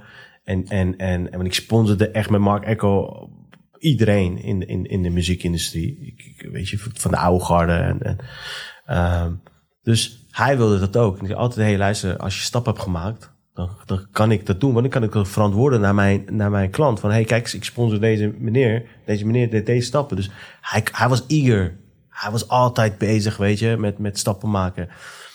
En dat was de moment, zeg maar, dat eigenlijk ehm, ik, ik begon te overstappen naar het nieuwe ondernemende beperk, zeg maar. En ik had daar, voor dat had ik een plan gemaakt.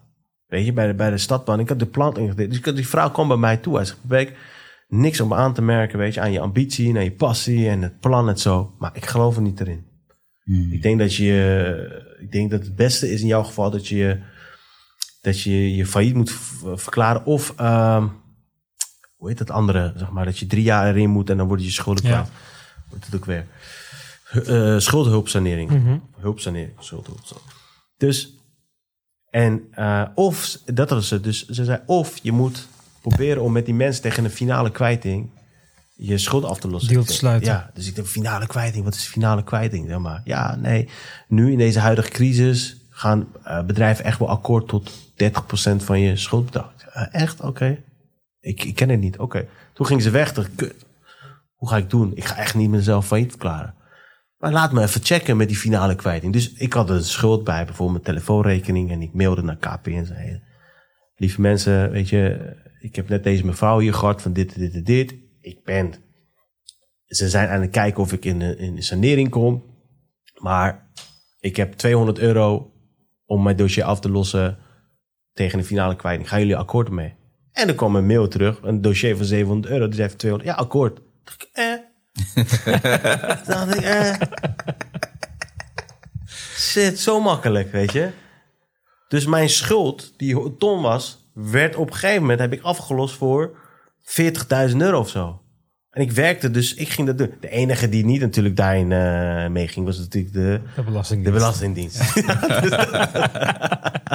Dus Wat is hun slogan? Die dacht, nee, nee. Maar ze hebben Fina- makkelijk, makkelijker gemaakt. Finale dus ik- kwijting? Nee, nee, nee, nee. Die schuld die ga je betalen, vriend. Die ga je betalen.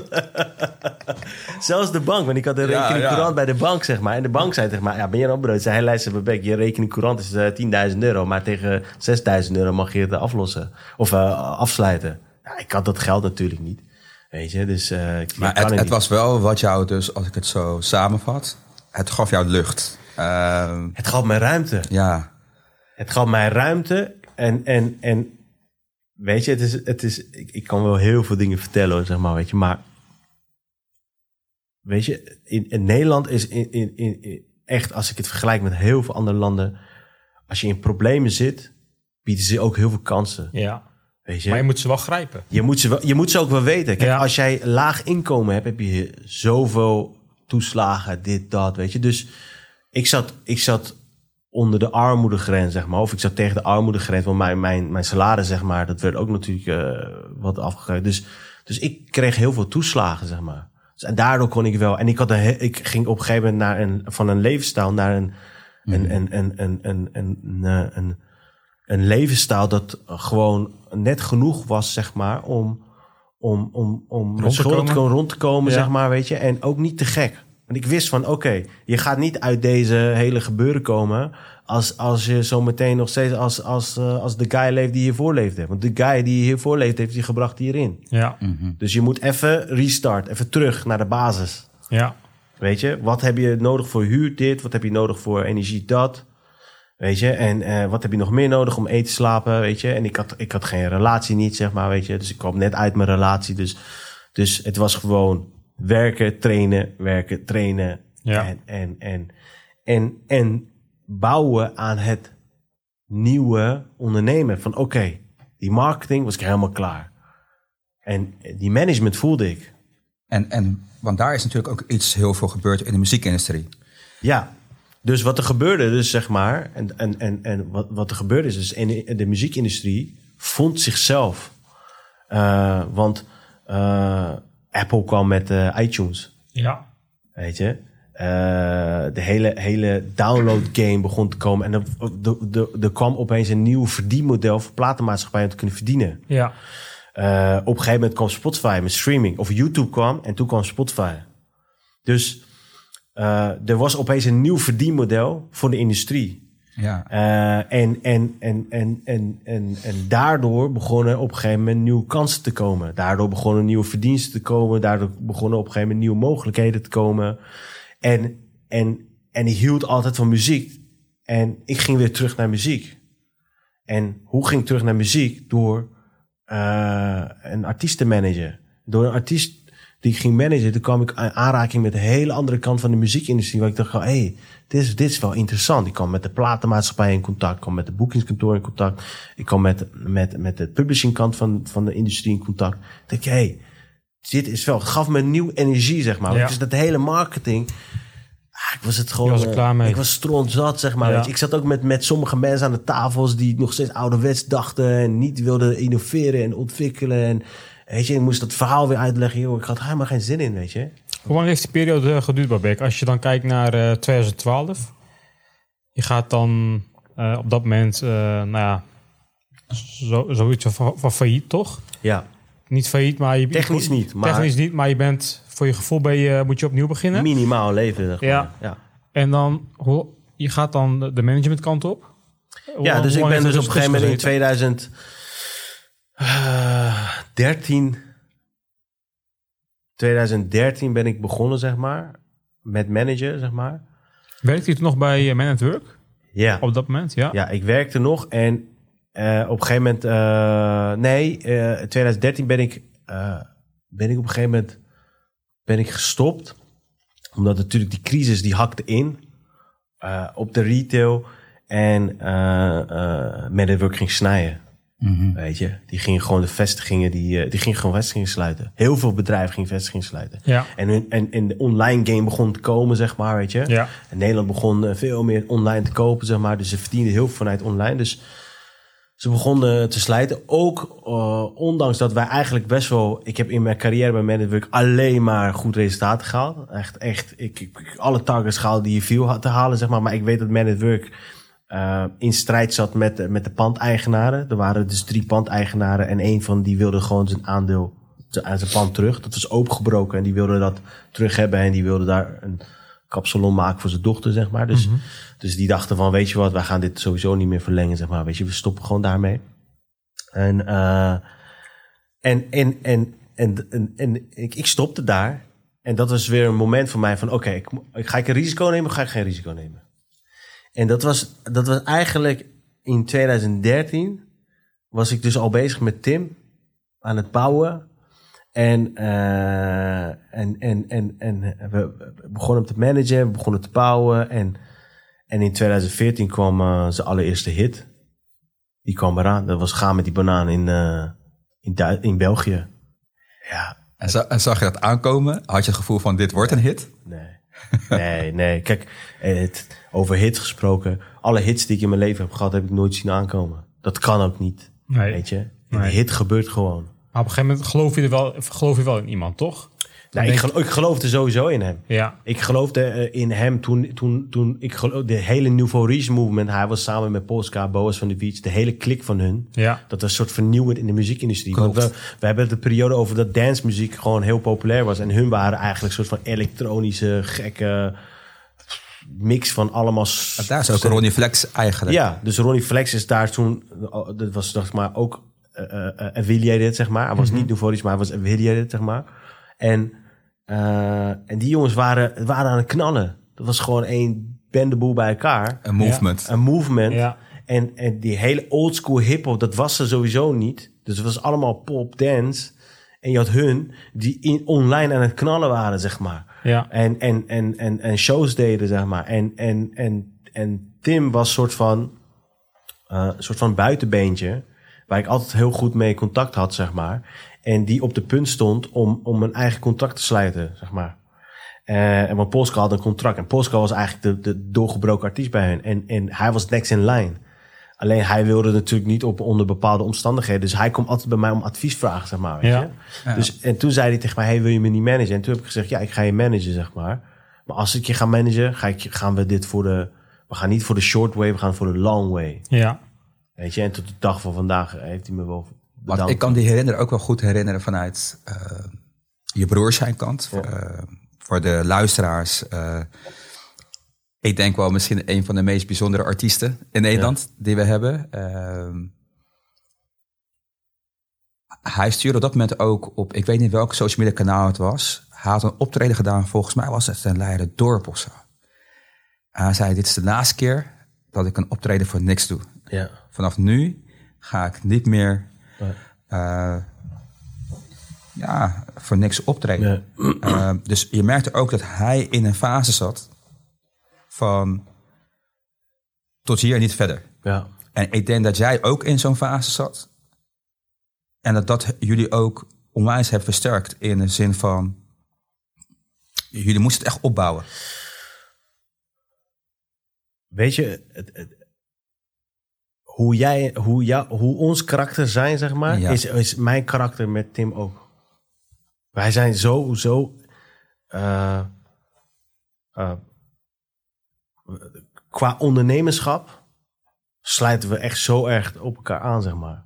Alleen hij is de, hij is de artiest, ik ben de business guy. Ja, Hij is de creatieveling en ik ben de, de, de guy die zorgt dat dat verandert in geld. ja, Snap wat ik doe? Maar de, de passie en de drive, de, de, de, de, de doel, weet je, en, en, en, en de energie die hij stopt in het bereiken van, van, van zijn doelstellingen. ah, het, is, het is net zoveel als die van mij. Het is Ja. gewoon, we zijn gewoon, we vullen elkaar gewoon we goed aan. vullen gewoon elkaar aan. Ja. We zijn gewoon twee locomotieven die aan het rennen zijn. Ja, Echt gek, gek. Aan het rennen Waar zijn. rennen jullie voor? Voor ons passie. Voor ons passie. Daar rennen we voor. Het is echt. eh, Ik denk dat iedereen die dit, die dit luistert, of iedereen die ondernemer is, dit is, het is gewoon een, een ding die we met elkaar zo erg delen. Zeg maar. Ja. Er zal geen, geen andere persoon die dat niet begrijpt, die zal dat, of die dat niet deel, of die dat niet meemaakt, die zal dat niet begrijpen. Zeg maar, Nee. weet je. maar er is iets in je, zeg maar. Dat, dat, dat is die fuel, zeg maar. Dat is die, die vuur, dat is die brandstof. Dat houdt jou gewoon. ja, Dat, dat, daarvoor, daarvoor sta je zeven uur s ochtends op, zes uur s ochtends op, Ja. en werk je tot drie uur in de nacht. Zeg maar. ja, Dan raak je nooit moe. Echt. Bizar hè? Het is bizar gewoon, Ja. weet je. En eh, dat heeft hij. Hij heeft, dat, hij heeft altijd in zichzelf geloofd, zeg maar. Vanaf het moment dus dat hij, dat hij afscheid nam van het verhuizen, zeg maar, weet je. En op een gegeven moment zijn droom achterna ging. eh, tot de dag van vandaag.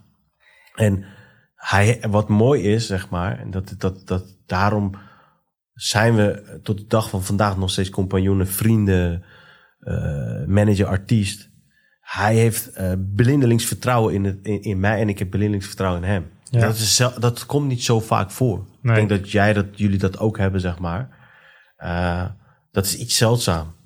Ehm, en dat, dat is iets wat je met elkaar opbouwt, zeg maar. Klopt. Dat kan niet zomaar. Nee, Dat, ik, ik, moet, ik moest natuurlijk dat, die vertrouwen van hem krijgen, zeg maar. Ik moest dat, ik moest dat wel deliver, zeg maar. Ik moest wel laten zien dus dat elke keuze die ik maak voor hem, zakelijk, dat het Ja. voor de beste, beste bedoeling is geweest. Ja. Voor hem als artiest zijnde, maar ook hem als persoon zijnde. En, eh, en echt, eh, ik denk dat we ooit hier wel komen zitten, zeg maar, met, met, met Serkan erbij, want die kon er vandaag niet bij zijn. Maar ik denk dat we ooit wel nog een keer dit, dit interview gaan doen met hem erbij. Maar dan zou je horen dus dat hij echt wel zegt van... hé hey, Beck, ik, ik, ik begrijp nu waarom je die stap te zetten. ja. Ja, maar dat is je lange termijn visie. Ja, maar dan moet je wel... Ik, ik, ik, heb dat, ik heb dat altijd in mijn, in, mijn, in mijn leven gehad. Vanaf het moment, zeg maar, als je kijkt nu... Vanaf het moment dat ik ben begonnen, weet je, de langetermijnvisie. Eh en dat had ik met hem ook. Dat heb ik eigenlijk met al mijn artiesten. Ik ben eigenlijk, ik ben nooit, ik ben niet... Ik ben een... Dat, als je kijkt mij als manager zijn met alle andere managers, ik ben niet een manager die gewoon dingen doet voor je artiest. Ik ben een manager, zeg maar, met een doel. Je denkt met, eh, met En- hem en of ik, haar mee. En ik bouw een, een, een, een carrière of een toekomst voor die, voor die Ja, artiest. en, Juist. en er zit ook veel meer smaak aan jouw sma- samenwerking, zeg maar. Dus Ja. jouw hele loopbaan, dus van DJ, artiest zijn, eh, de stap naar marketing, Ja. mode, dat zie je nu helemaal terug in je label, Ja. zeg maar. Alle smaken komen terug, want jouw artiesten die worden ook op een andere manier, vind ik, gesponsord dan de gemiddelde artiesten. Er zit een hele gedachte achter. Uh, er zijn ook langdurige samenwerkingen. Dus het is niet zo van, oké, je draagt eventjes een kledingmerk... en uh, vervolgens ga je weer naar de volgende kledingmerk... omdat die een mooiere deal aanbiedt. Je bouwt echt langdurige samenwerkingen op. Je scoort de hit. En één keer verandert alles. Ja, ik, ik scoor die hit. En uh, in één keer verandert alles, want er komt de hap met geld binnen. Niet alleen voor mij, maar ook voor hem. Ja. Want hij trad op voor 400 euro, 500 euro en ik pakte mijn commissie erop. Ik verdiende 50 euro of 100 euro op hem. ja. En we gingen op een gegeven moment van 400 euro naar uh, 2000 euro gages, naar 3000 euro gages. En ik ging van 50 euro, 100 euro verdienen naar 2500 euro, zeg maar. Weet je, Ja. per maand. Van hetgeen waar ik passie voor had. Weet je, en ik had dus al afscheid genomen van, van, van muziek, zeg maar. Of van, van Man at Work. Dus ik begon opeens te leven van dit. En toen was het van, oké, hoe gaan we dit vasthouden? Hoe gaan we dit doorbouwen, zeg maar. Ja. Ja. Eh, en en, en, en zo, zo zijn we zeg maar gaan bouwen. En op een gegeven moment natuurlijk met het succes die ik had met, met, met je broer en het bouwen aan zijn carrière Ja. tot de dag van vandaag kwamen natuurlijk ook interesses van het andere. En een van de andere jongens die op mijn pad kwam was First Man. En dat was dus een van de eerste urban artiesten dat het begin besefte ze dat New Wave dus op een gegeven moment aan het knallen was. Ronnie Flex en Lil Kleine waren aan het knallen. En hij was ook aan het knallen in een clubsegment. Ja. En hij was het eerste. En deze jongen maakte gek geld.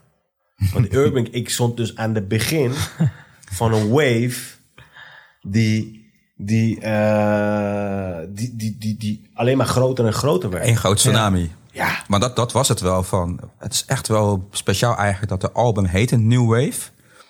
Waar dus eh Lil Kleine opsprong en Ronnie Flex en heel veel artiesten die zijn daarop groot geworden. En het, heeft, het is echt een golf geweest in de Nederlandse Ja. urban muziekindustrie die alles heeft veranderd. Waardoor nu rappers in één keer miljonairs worden. Ja. Wat, wat voorheen alleen maar Amerikaanse artiesten waren door de hele beweging, door inderdaad de digitale muziekindustrie, waar Nederland natuurlijk heel snel in meegaat. Waar jij heel goed op, op hebt ingespeeld. Al is het organisch geweest, maar ik denk dat het meer dan organisch was, want je bent wel heel slim en tactisch in je aanvalspel. En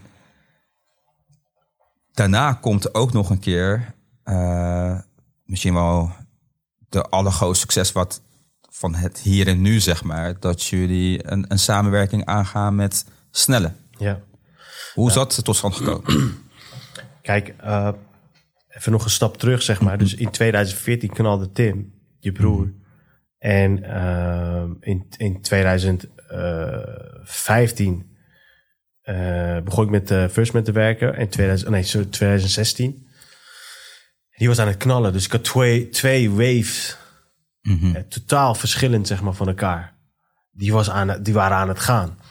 En een hit, als je een hit scoort, dan kan je er, er- er ongeveer drie jaar mee doen. Als je een classic scoort, eh, zoals bijvoorbeeld de Kind van de Duivel, kan je echt forever, zeg maar. Weet je, dat zit ermee. Eh, dus ik had dus die, die, die hit met, eh, met Tim 2014, 2015 van genoten, 2016 werd er minder.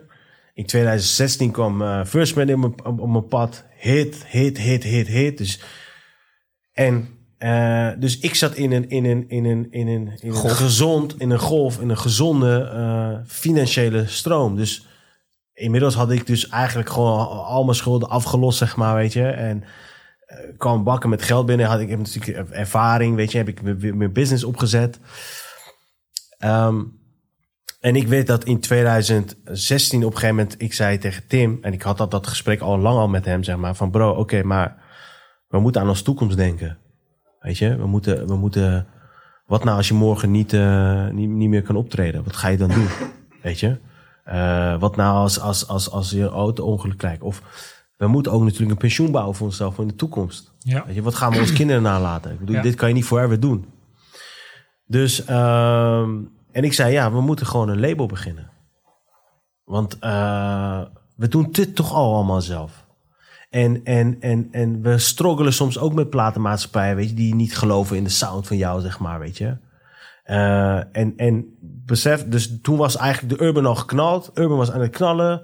En Tim in 2016 was een moeilijk jaar voor Tim, want Urban was aan het knallen en hij viel er buiten. Want ja, alles was ritmisch, weet je. Ja. Eh, b- broederliefde, weet je, SFB, al- alles was, was ritmisch. En dat was niet hard, hard. Echt maar. voor de club, zeg maar. Ja, en in 2016 waren we aan het nadenken van... oké, hoe gaan we dit strategisch doen? Want ja, de, de boekingen werden minder, zeg maar. Toen zei ik, ja, we moeten, we moeten aan onze toekomst denken. Toen heb ik de label opgezet, Rock'n'Rolla. Met als doel van, oké, wat nou als het morgen minder gaat... dan kunnen we in ieder geval wel bouwen aan het label. Dus toen heb ik in 2016 in eerste instantie gewoon zelf... ook om gewoon eh, dingen zelf uit te brengen... maar ook onze vrienden te helpen en toekomst bouwen. Ja. En, eh, en toen hebben we 2017, eh, toen ben ik dat gaan doen. En in 2017, eind 2016, bracht Tim eh 11 uit. En, en toen kwam de, de, doorbraak Kind van de Duivel. Weet je? Ja, dat was 2017. Ontplofte alles. En, en be- begrijp, positieve hij- zin, in negatieve positieve- zin, nee, in de alles. positieve zin. Ja. Want hij, was, hij is eigenlijk een, een, een, een bekende Be- Belg geworden in eerste instantie. En vervolgens Ja. een, een, een, een bekende Nederlander geworden. Ja. Want door het, het toen, toen ontplofte natuurlijk eh, door Kind van de Duivel de hele gebeuren, zeg maar. De priesters die gingen klagen. En, ah, het hele gebeuren rondom het hele christelijke gemeenschap. Eh, eh, maar daardoor gingen opeens alle deuren openstaan. En hij werd eigenlijk... eh, hij, hij, hij werd persoonlijk de, de artiest die eigenlijk zijn eigen markt had gecreëerd met die sound. En, en blijkbaar in de hele periode van de Urban was er ook een markt dat behoefte had aan die sound. Maar wij dachten eventjes, want hij, we zaten met onze handen in de haar van wat gaan we hierna doen, weet je. Gaan we ook urban maken? En hij is helemaal geen urban guy, ritmisch, bobbelingachtig ding. Ik zeg, bro, je moet, je moet in jezelf blijven geloven, nog steeds je eigen ding doen. Je moet nu niet gaan afstappen, zeg maar. Nee. Dus, en, hij, en we gingen experimenteren met hardstyle. En hij- we deden dat al in, in, in het verleden. En, en we zagen dus dat er heel veel liefde daarvan afkwam. Dus op een gegeven moment hebben we die plaat gemaakt, Kind van de Duivel. En dat was de laatste plaat die we hebben toegevoegd aan het album. En die album kwam uit. En we gingen met een plaat van Ronnie Flex en, en je broer naar de radio. Want we dachten, Ronnie Flex is populair en de radio moet die horen. Ja. Maar die radio ging gewoon Kind van de Duivel draaien, zeg maar. Of die ging daar naartoe. En die shit borrelde al gewoon in, in, in, in, in, in, de, in de clubsegment. Ik denk, hé, wat gebeurt hier nou, joh? Ja. Jullie willen toch allemaal dit horen? Dit is toch de markt? Nee, laat dat maar aan die andere jongens horen. Dit is vet. Ja. Ja, en dat borrelde al. Dus we voelden al aan van, oké, er moet iets gebeuren. En ja, en toen kwam, eh, toen kwam eh, het hele priester gebeuren. Dat was eigenlijk een godsgeschenk, zeg maar, weet je. En toen brak de hel los, eh, eh, eh, letterlijk. En, en, en alle media sprongen erop. Ja, en je weet gewoon, bad publicity is ook gewoon publicity. Ja. De Ja. meeste artiesten die doorgebroken zijn, zijn ook doorgebroken door bad publicity. Ja, kijk, Ja. drank en drugs bijvoorbeeld. Ja. ja. Boef, iedereen. Ja. Ja. SFB, weet je. Ja. Ah, ah, het komt zelden voor dat je echt gewoon in Nederland zeg maar doorbreekt door met koetjes en kalfjes. Ja, nu zeg Je maar. moet chockeren, Ja. zeg maar, Ja, ergens. nu, nu, nu is de tijd veranderd en het is veel meer pop, muzikale zeg maar. Ja. Dus daar is veel meer dingen voor. Eh, de media luisteren veel meer naar. Maar destijds de urban game, dat was allemaal shocking, shocking. Ja, dat is ook zo. Want ja, de hele straat ging opeens naar mainstream, zeg maar. Ja. Ja, De, he- de hele industrie zat op zijn kop. Want die denkt, hè, nieuw wave komt, knalt, breekt alle records. Ja. Hoe kan het nou? Ja, hoe het kan. Al die jeugd zit gewoon online, zeg maar. Al die Ja. jeugd zit op Spotify. En die jeugd luistert niet naar eh Nick en Simon. Weet je, die luistert gewoon naar Lille Kleine Dranken Drugs. Want Ja. dat, is de, dat, is, dat is wat er gebeurt in de straat. zeg Ja. Ja. en dat was de moment dus dat de Nederlandse industrie ook veranderde van het traditionele, eh, het traditionele geloof in hebben van oké, je moet een radiohead hebben om daar op het podium te staan. Nee, dat hoeft niet meer. Nee. Want moet je kijken hoeveel die jongens eh, aan miljoenen streams halen. Wat voor impact je kan maken met, eh, met social en online. Want, want als zij gedachtegang hebben- verloren, of, of veranderde ook. Want die mensen Ja. dachten van... hé, hey, hey, maar wacht even. Als, als, als, als er 10 miljoen streams zijn... dan luisteren waarschijnlijk een miljoen mensen... een miljoen kids naar die dinges. Ja. Dus die artiest is populair. ja, misschien Dus- zijn het wel de trendsetters. Snap je? Ja. Dus, dus, dus we moeten hem boeken. Dus die hele Ja. gedachtegang van de programmeurs veranderde ook en zo. Ja, maar is het niet zo dat dan de jeugd de trend ging zetten? Jazeker. In plaats van radio? Zeker. Of, eh, wel, Ja, hè? De ja. radio die, die, die, die, ja, die, die dacht, wat gebeurt hier? Nog Ja. steeds, denk ik. Ja. Want de radio Het traditionele radio is niet meer het traditionele radio meer. Nee. Ja, maar ik merk wel dat het nog steeds daar wel... Het kan nog veel beter. Ja, tuurlijk. Ik bedoel, als je kijkt naar eh, de artiesten die online domineren... die hoor je niet op de traditionele radio. Nee, maar dat, kijk, vroeger was ik ook daar soort van heel erg stellig in, zeg maar. Maar ik heb dat in de loop van de jaren wel. Kijk, de me- mensen die luisteren naar radio zijn een heel ander type eh, mensen die naar luisteren. Vroeger dacht ik, ja, maar wa- waarom draai je niet? En ik weet nog, toen zei, dus, hadden we een gesprek met Q-Music. Ik zei, Bebek, kijk, ik heb drank en drugs gedraaid, zeg maar. Het is super populair. Iedereen wil drank en drugs. Ik heb het gedraaid. En mijn, mijn, eh, de mensen die wegzeppen, moet je kijken. Weet je? Dus die doelgroep die online zit, Ja. die hier naar luistert, is maar een heel klein doelgroep die naar mij een radiostation luistert. Ja. Dus, en ik kan dit niet maken Nee. tegenover mijn luisteraars en eigenlijk het belangrijkste, de beleidmakers en, en, en, en de, de, mensen die geld pompen in de reclames en dat soort Ja. dingen. Die Ja. denken, hé, hey, ik betaal gewoon voor, voor luisteraars, zeg maar. Ja. Dus dat heb ik ook op een gegeven moment geleerd, zeg maar. Van oké, radiocultuur is heel anders dan online cultuur. Je maakt muziek voor online of je maakt voor, muziek voor radio. Je maakt muziek voor de club scene of je maakt muziek voor wat anders, zeg maar. Ja. En dat moet je wel, dat moet je wel eh, eh, begrijpen, zeg maar. Ook als artiest zijnde moet je, moet, je, moet je daarvoor openstaan. Ja. Dat niet altijd alles werkt voor op de radio, zeg maar.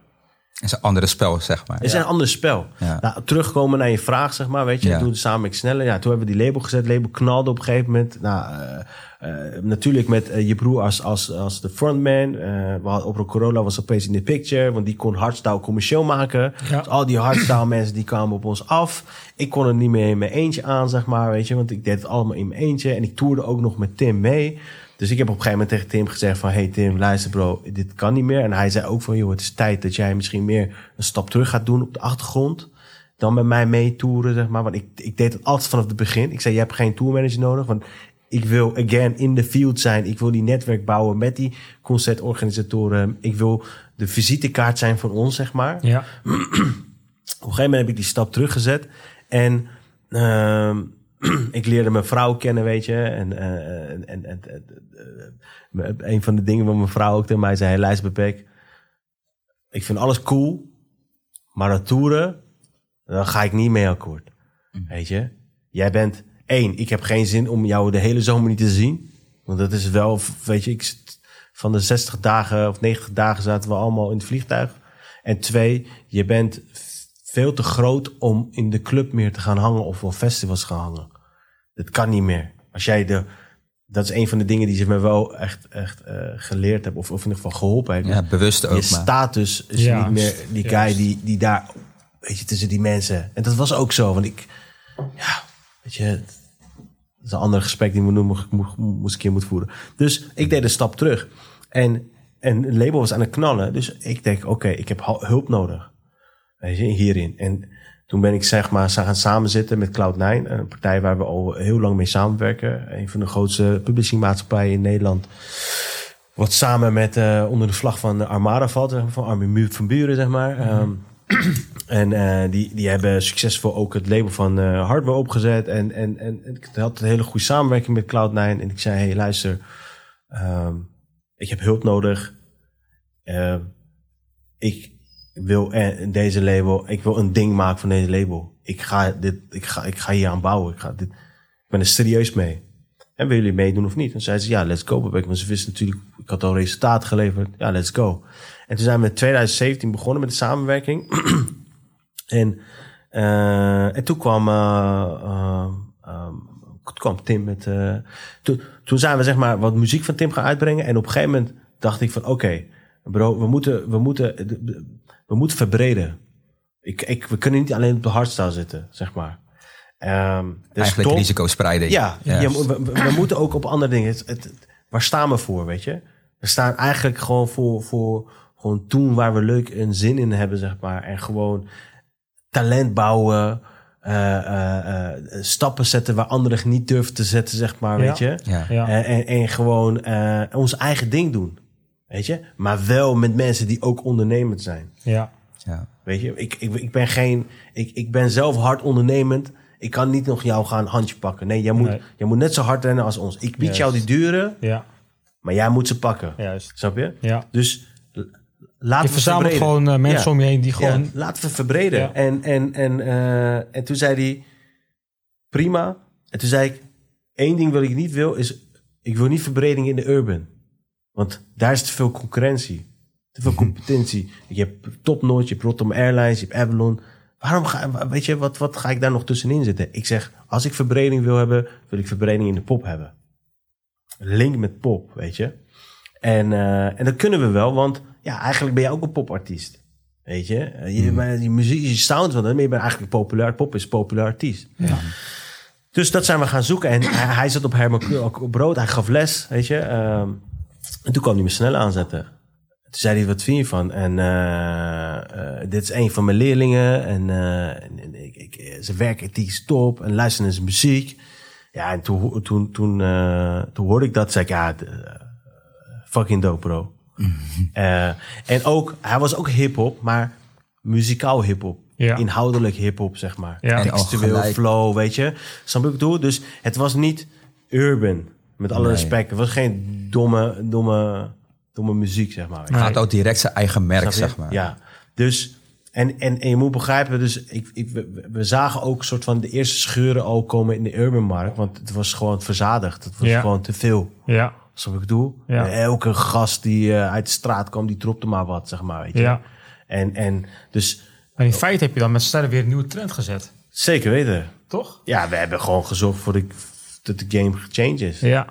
Want, eh, en we wisten van, hey, deze guy heeft het talent. Ja. Textueel, flow-wise. En dat, die, die erkenning kreeg hij ook als je kijkt bijvoorbeeld naar eh, de Vanix Talent, weet je, waar hij aan meedeed, zeg maar. Ja. Ja. Eh, eh, dus hij kwam met hem aanzetten. En, en, en dat was gewoon een guy. Die, die werkte gewoon samen. Uh, S'avonds een portier en overdag maakte hij de muziek. En had niet zoveel. En, Nee.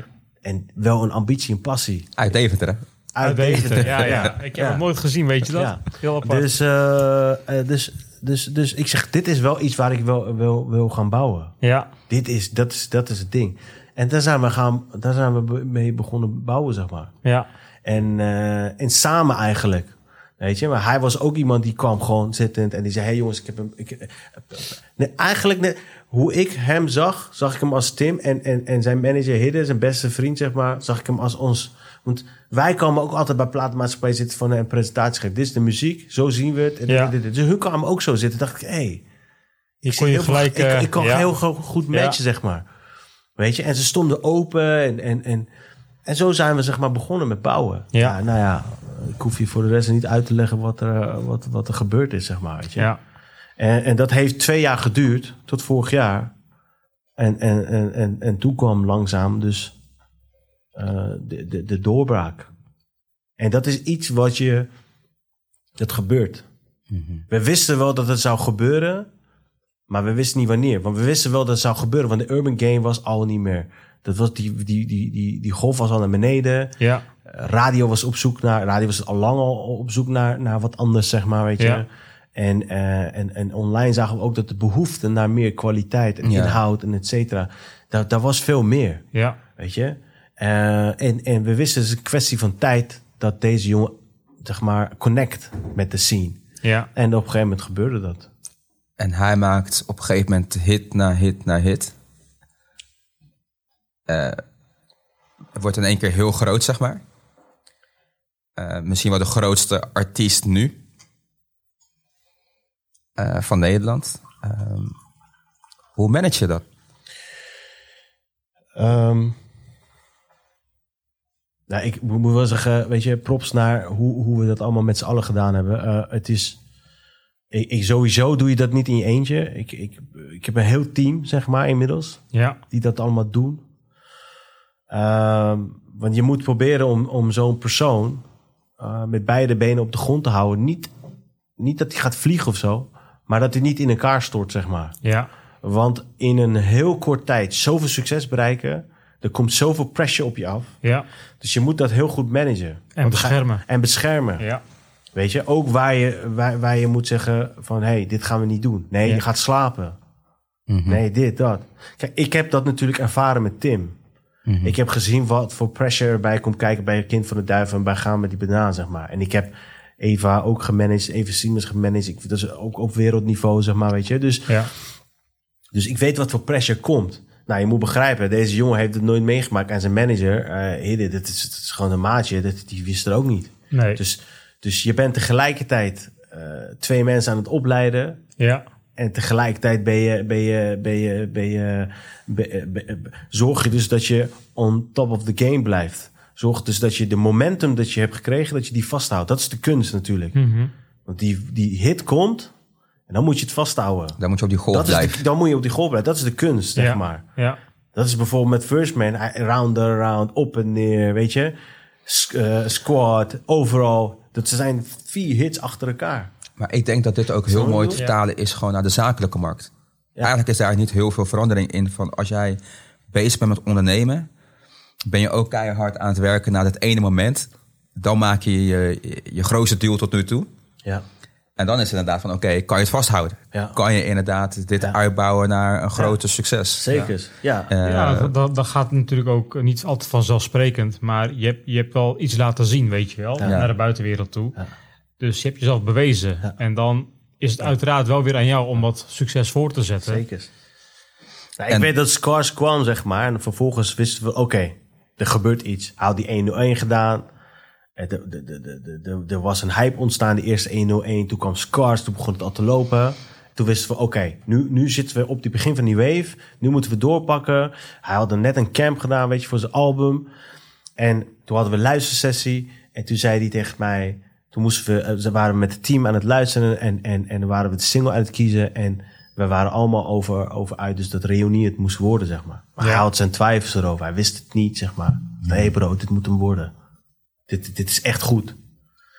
En eh, eh, vooral omdat het verhaal daarachter zat, zeg maar. Juist.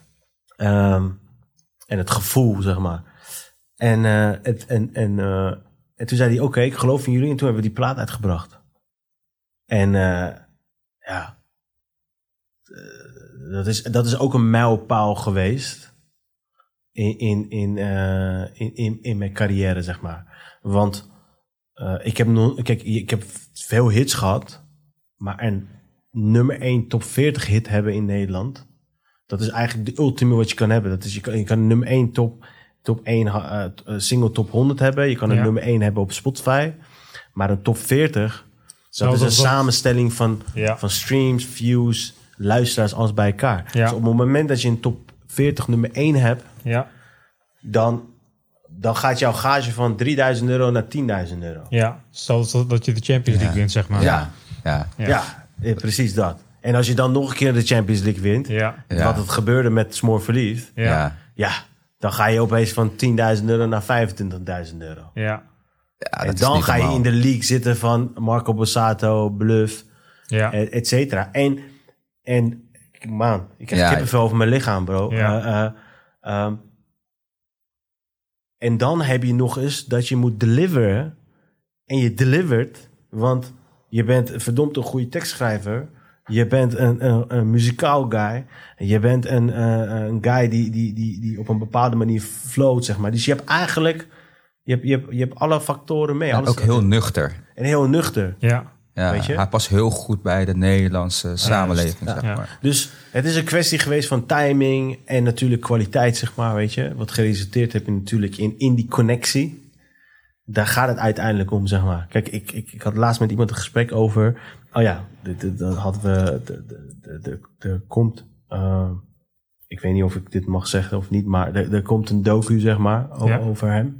En dat was vol gesprek, zeg maar. Ja. Eh, Primeur. eh. eh, Ja, hey. Nou ja, ik weet niet wanneer dit uit gaan zenden. Maar ben ik Normaal gesproken ben jij degene die moet bepalen als iets wel of niet gecommuniceerd mag worden. Nee, Dus, nee, volgens mij duurt het nog wel even voordat je dit Ja, Wij hebben dan de persbericht eruit gegooid. Oké, dus oké. ik denk dat het dan... dan Komt goed, komt goed. dus die dook komt er. En ik had een voorgesprek en die zei van... eh, ja, maar wat maakt het bijzonder? Ik zei, luister, kijk... muziek is iets gevoel. Iemand die, die schrijft een liedje dat uit zijn ziel komt... en die zet hij om in, in muziek, in klank, in Ja. teksten. En dat kan je zo goed mogelijk doen. En daarna moet het connecten met iemand. En bij hem is dat gewoon, eh, daar, daar zit de magie. Kijk, in hit kunnen wij, wij kunnen voor 50% kunnen wij zorgen dus dat de package klopt. Want de rest is niet aan ons. Nee. Dat, is, dat, Dat is die ziel, zeg maar. dat is Ja. die ziel. Dat Ja. moet connecten, zeg maar. Zo moet ik bedoel? En dat is bij hem, zeg maar, Ja. Dat, dat gebeurt. Mensen kunnen zich heel erg in eh, relativeren, zeg maar. Dat maakt hem een van de, Ja, een van de meest succesvolle artiesten. De manier hoe hij zich durft kwetsbaar op te stellen. En Ja. dat het centrale thema's zijn die ook nu in de samenleving zeg maar, spelen. Ja. Direct daar de brug naar maken. We moeten ook denken aan de tijd. Ja. Want ik kan echt uren. We moeten je opnieuw uitnodigen. Nee, ja, echt. eh, ik zat ook te denken van, hey shit, we hebben wel echt lang, lange podcast. Ja, Maar ja. ik heb wel iets speciaals mee. En ja, laten we daar naartoe Ja. gaan. En de volgende, en dat, daar wil ik het echt met jou over hebben, is inderdaad van eh, de muziekindustrie. Hoe dat nu Ja. zeg maar, tot stilstand is gekomen. Hoe je daarmee omgaat. Daar gaan we het volgende keer over Ja, hebben. dus ik heb... eh, Wat heb je meegenomen voor ons? ik denk dat dit wel echt wel passend is eh, aan het... eh, Dit ziet er echt eh, heel goed uit. Hey. Wat wordt dit? Hey? Kijk. Nee. ja, Wauw. Dus over uh, reunie gesproken, zeg Zo. maar. Ehm, nou ja, ik denk dat dit een van onze eh, eh, mijlpalen geweest is in onze carrière. Luister, En- mogen wij dit houden? Ja, tuurlijk. Nee. Ja, dus ik heb dus eh, de, de platina-plaat eh, eh, die wij hebben gehad, zeg maar, voor reunie. En ik denk... eh, ja. Wauw, ik heb nu kippenvel over ja, mijn ik lichaam. Ja, man. En, en ik denk ook met, eh, omdat hij uit Deventer komt, ik dacht, wat ga ik je Wauw. geven, zeg maar. Ik denk dat dit wel een, een eh, Kijk hem daar ook staan. Ja. Kijk hem daar ook staan. Snelle, Dus, kleine man. ja, is ook echt een echte klassenfoto. zeg Ja, dat zie je Ja. ook. Ja. Ja. Dus eh, Ja, wauw. aan jullie deze, deze platina plaat. Het is echt uh, die gaan we echt eh, een gaan heel we- mooi plekje geven. We gaan, we gaan een verbouwing in eh, op kantoor. En eh, ja, de podcaststudio, dat wordt straks nog next, wordt echt next level. Ja. Eh, dat wordt echt de hart Ja. van ons kantoor. ja, En eh, we gaan deze een heel mooi plekje geven. ja. Dankjewel. Ja. Ehm, wat ik zeg, ik, ja, weet je, we kunnen nog uren met je doorgaan. Ja. Eh, ik denk dat ik we weet dat je ook sowieso- nog afspraken hebt Ja, staan ja, eh, in ik- de middag. Ik denk dat we sowieso een part 2 moeten doen. En, Ja. dan, en dan denk ik dat, dat, dat, dat we vanaf de moment is dat het label, zeg maar, wat er nu gebeurt, zeg maar. Ja. Ja. En, en, en, en hoe wij nu ons als label zijnde eh, Ontwikkelen. bewegen, ontwikkelen binnen, binnen, binnen de muziekindustrie, zeg Ja. maar. En ik denk dat het wel tof is als, als, als Tim er ook erbij is, zeg maar. Eh, en de samenwerking met verschillende partijen, weet je, dat, dat moeten we gewoon doorpakken. dan. Ja, want, Ja. want wat je mij triggerde ook in de telefoongesprek die we hadden, is dat ik vroeg van, ja, hoe gaat het? En je krijgt natuurlijk allemaal geluiden uit de muziekindustrie van, Ja. ja, het ligt op zijn gat, het gaat niet goed. En jij zei van, ja, het gaat eigenlijk wel heel goed. Ja. En daar gaan we het over hebben de volgende keer. ja. Yes, dankjewel. Ja, dankjewel. Onwijs voor je Ja. tijd, eh, je openheid. Eh, ik denk dat heel veel mensen hier eh, inspiratie uit kunnen halen. Wat ik eruit haal is in ieder geval van... Al val je, eh, je kan altijd weer opstaan. Ja. En je moet altijd blijven geloven Ja. in jezelf, in je passie. En Ja. eh, Absoluut. bouwen op jezelf en de mensen om je heen. Zeker. Ja. Dus eh, nogmaals dank. En eh, tot de volgende keer. Yes. Dankjewel.